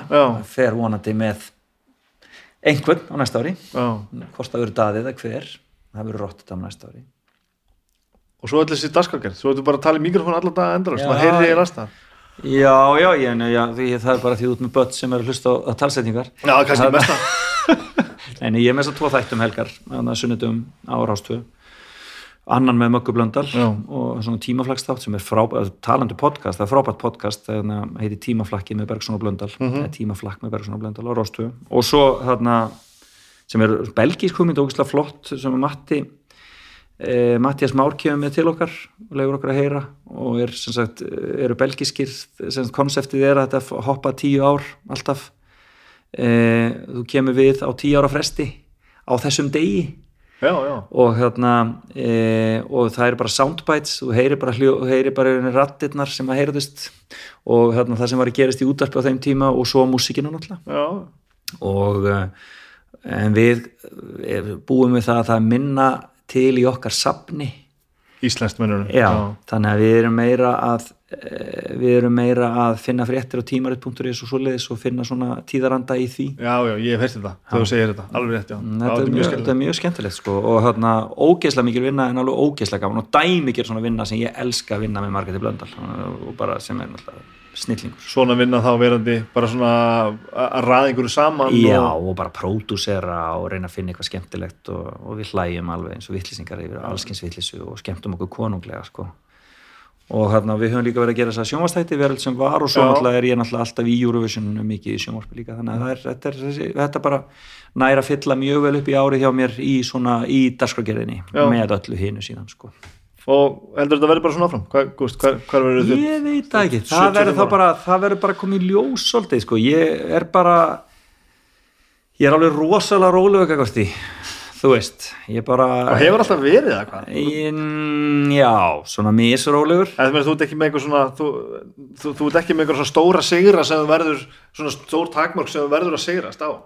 Nei, aldrei verið þannig? Aldrei verið þannig. Mér finnst bara ógeðslega gaman og mér finnst ég vera svo ég bara svo hérna svona privilegeraðri stöðu að bara fá að vinna við þetta sem ég elska að gera og hérna, fá að hreyfast inn í þessum heimi. Já, ég er svo mikill aðdáandi svo margra sem ég fæ að vinna með og vera nálagt skiluru og, hérna, og það finnst mér alltaf bara einhvern veginn það er svolítið velaunin sko. Já, svo á maður bara salt í grautin og, og þarna og, og mér líður voða vel í, í mínu skinni sko, þannig að það er einhvern veginn þannig frekar. Mhm nei, ég, ég jú, jú, ofta ég hugsa af hverju er ég með að druslu út þessari bíómynd sem ég ætlaði að gera og ofta er ég með einhver skriftaverkefni sem ég er einhvern veginn að reyna að koma áfram en svo einhvern veginn finn ég bara að það, veist, þetta er ekkit þetta er mér ekkit, þetta er ekki, ég er ekkit í nefni lífsættu sko.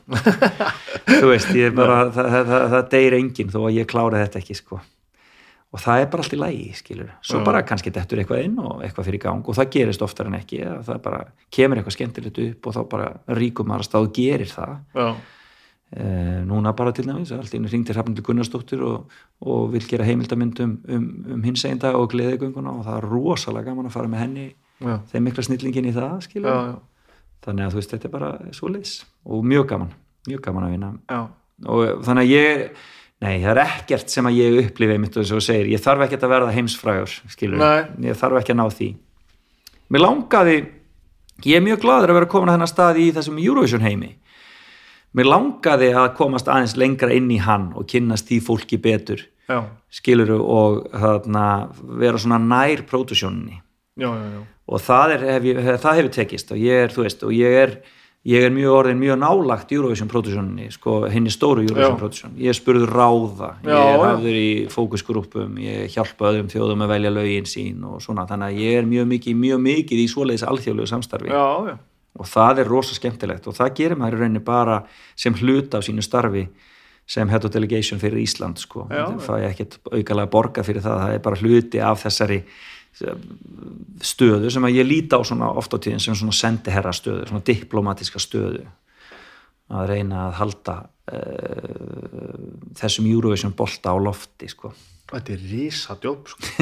Þetta er svo magna hvað þetta, er, hvað þetta kemur við marga Já, það gerir það alveg ótrúlega marga og bara svona af einhverju alvöru sko. Ég, veist, maður, ég var alltaf fullur af alls konar fordómum og, og, veist, og bara vankunnáttu sko. en bara fá að kíkja inn í þetta bara, hversu, hvað eru margir sem bara, sem bara þetta skiptir svo í alvörinu svo miklu máli. miklu máli og svo er, svo, svo er sjóið sjálft alveg brjála sko, og það er ógislega gaman, ég segi alltaf við alla sem það, það er vel þess virðið að prófa einu að fara á júru upplifa sjóið að fara á já, já.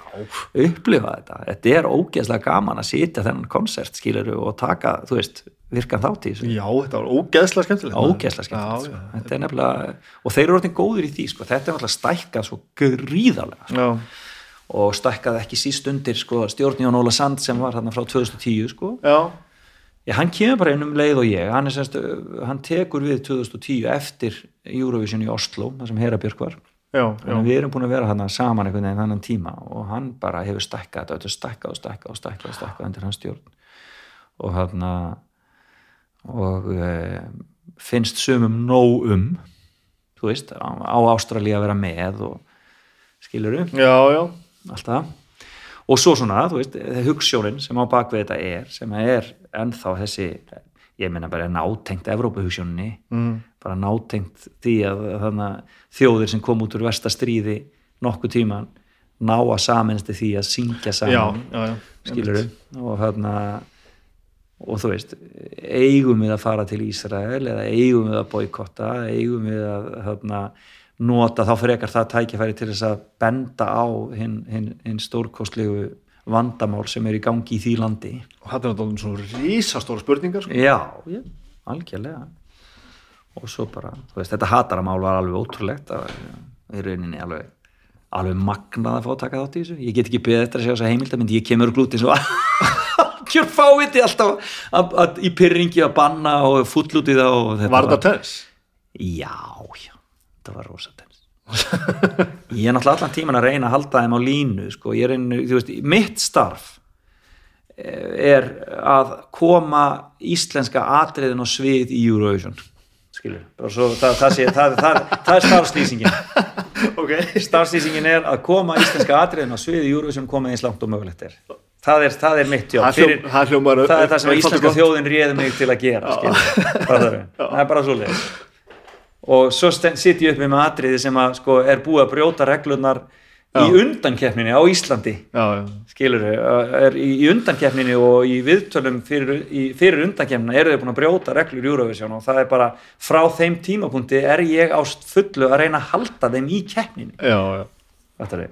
þannig að ég var allan tíman að reyna að halda þeim inni þó þeir væri að tala um pólitík, þó þeir væri að kalla Ísrael apartheid state og, og þarna, inn á blamanhundum sem var bara, bara, þú veist. Já. og maður var alltaf að reyna að segja og maður var alltaf að tala um getið þið aðeins, skilur, ég veit alveg hvað þeir að gera, en getið þið beðið aðeins? Getið þið ekki komið með þetta vídeo með það sem er að veifa palestíska fánum þú veist, áður en þið stíðið á svið get, má það koma eftir þeir eru búinir skilur, og, og maður er alltaf í einhverju, alltaf að reyna. Og svo fóru þeir í einhver viðtöl við Guardian og maður sá það bara fara skilur inn í hot, skilur í viðtöl við BBC og, maður svo bara, Jesus, hvað segja þið núna skilur og bara, þú veist, morgun eftir ringir Jón Óla Sand og bara fyrir ekki er þarna eru þið ekki að fylgja ja, þú veist, já, já, já. nei, nei, þetta verður allt í lagi þeir allir ekki að gera neitt og þetta, þú veist, þetta var bara svona og ertu þá að, og ertu þá að aðskilja það sem þér í alvörinu finnst og, og já, já, auðvitað, ég menna diplomatar verða að gera það. Já, og þú sérði alveg þannig? Já, já, það er engin spurning. Og ég meina við vorum í Úkrænu það var enginn að tala um það. Í Úkrænu var bara borgarastríð í gangi Já, í já. landsins. Þú veist. Já, og það var einhvern veginn enginn einhvern veginn að ræða það. Þú veist, þetta er svo þetta er, það er svo mikið í gangi svo víða, Já, já. þú veist og þarna e, ég segi alltaf lönd halda Eurovision. Eurovision er ekki pótisk kefni en þú, en þú ætlar að búa þær til glansmynd skiluru, að kynna landið þitt þú veist, fallega og svona eru við. En þú sleppur ekkit við það að skíturinn mun fljóta upp Já, líka í svoleiðis, þannig að þú veist þegar við höldum Eurovision þá verða einhverju sem spyrja okkur út í kvalveðar skilur fattar það er bara þannig og, það, og, og, og sama þarna. Það, þeir voru ekkert að fara að sleppa við það að ástandið í Palestín er rætt Nei. skilurðu, og, og hvernig þeir haga sér gagvart í fólki. Bara sama ári með olimpíuleika og HM og allt þetta og fattar og það er, þú veist, ef þú fer til Rússlands þá eru málumni samkynara rætt skilur og það er vakin á þeim aðtikli Mhm.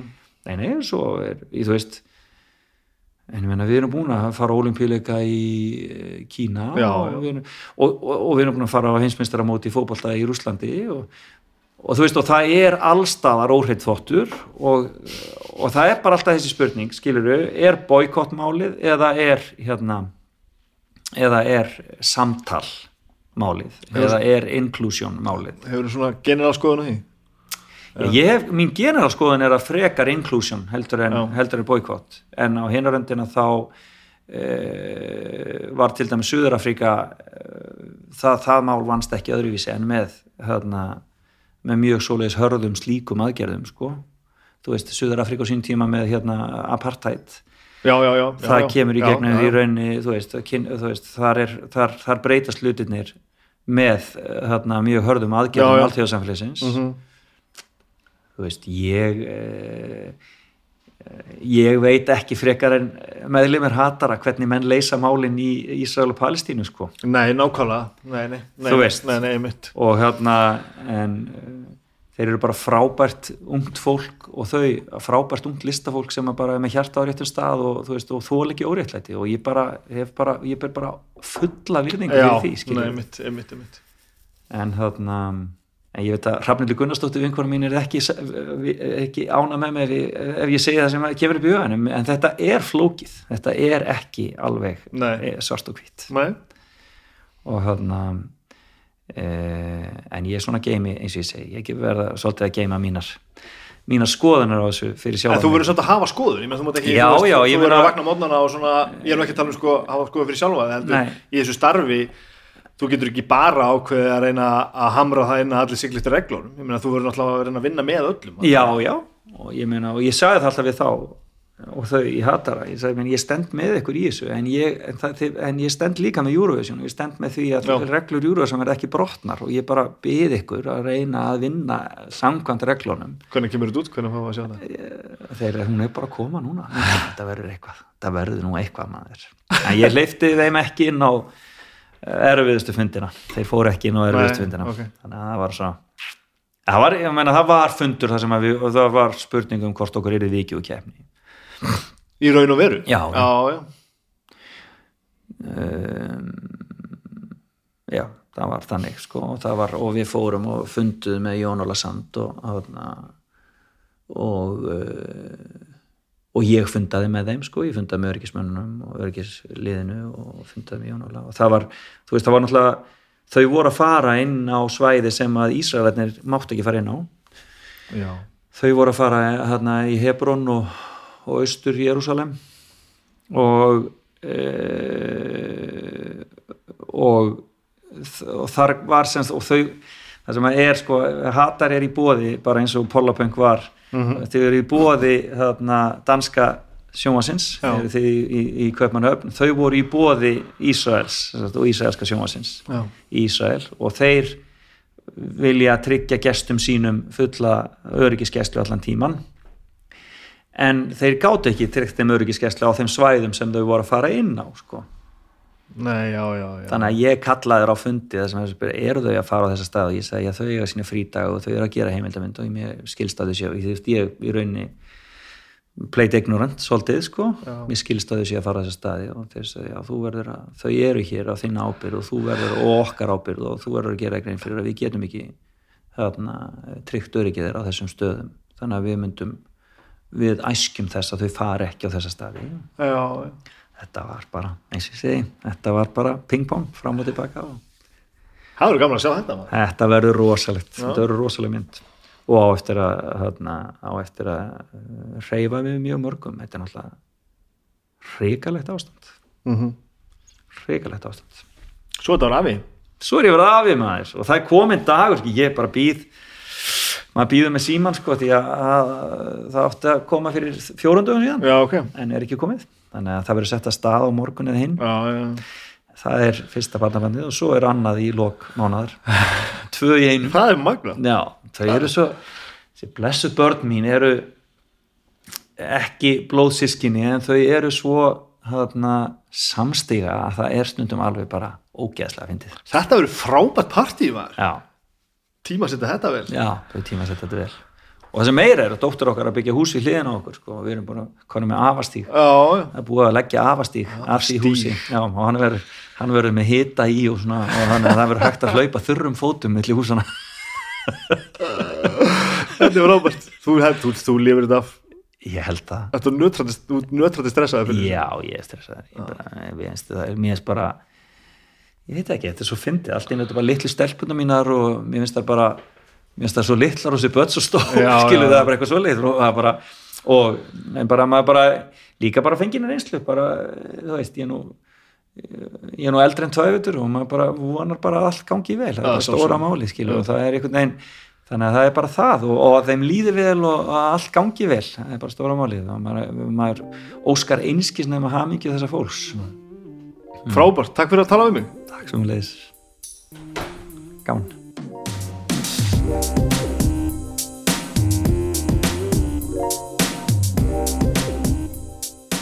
Já, þannig var það. Þetta var Felix.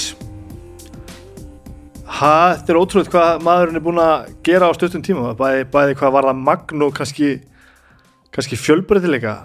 Ég man ekki þessar tölur sem maður var að nefna hann á útgáfu fjöldin hjá honum og Gunna. Þetta er bara, þetta er eitthvað sem að bara þetta eina verkefni er, eitthvað, er bara meira heldur en flesti komast yfir á ævinni held ég. Og svo einhvern veginn þetta, að vera búin að finna hennan stað þar sem maður þarf ekki einhvern veginn að vera eldast við eitthvað sem maður veit ekki hvað er heldur bara einhvern veginn, finna alltaf þetta.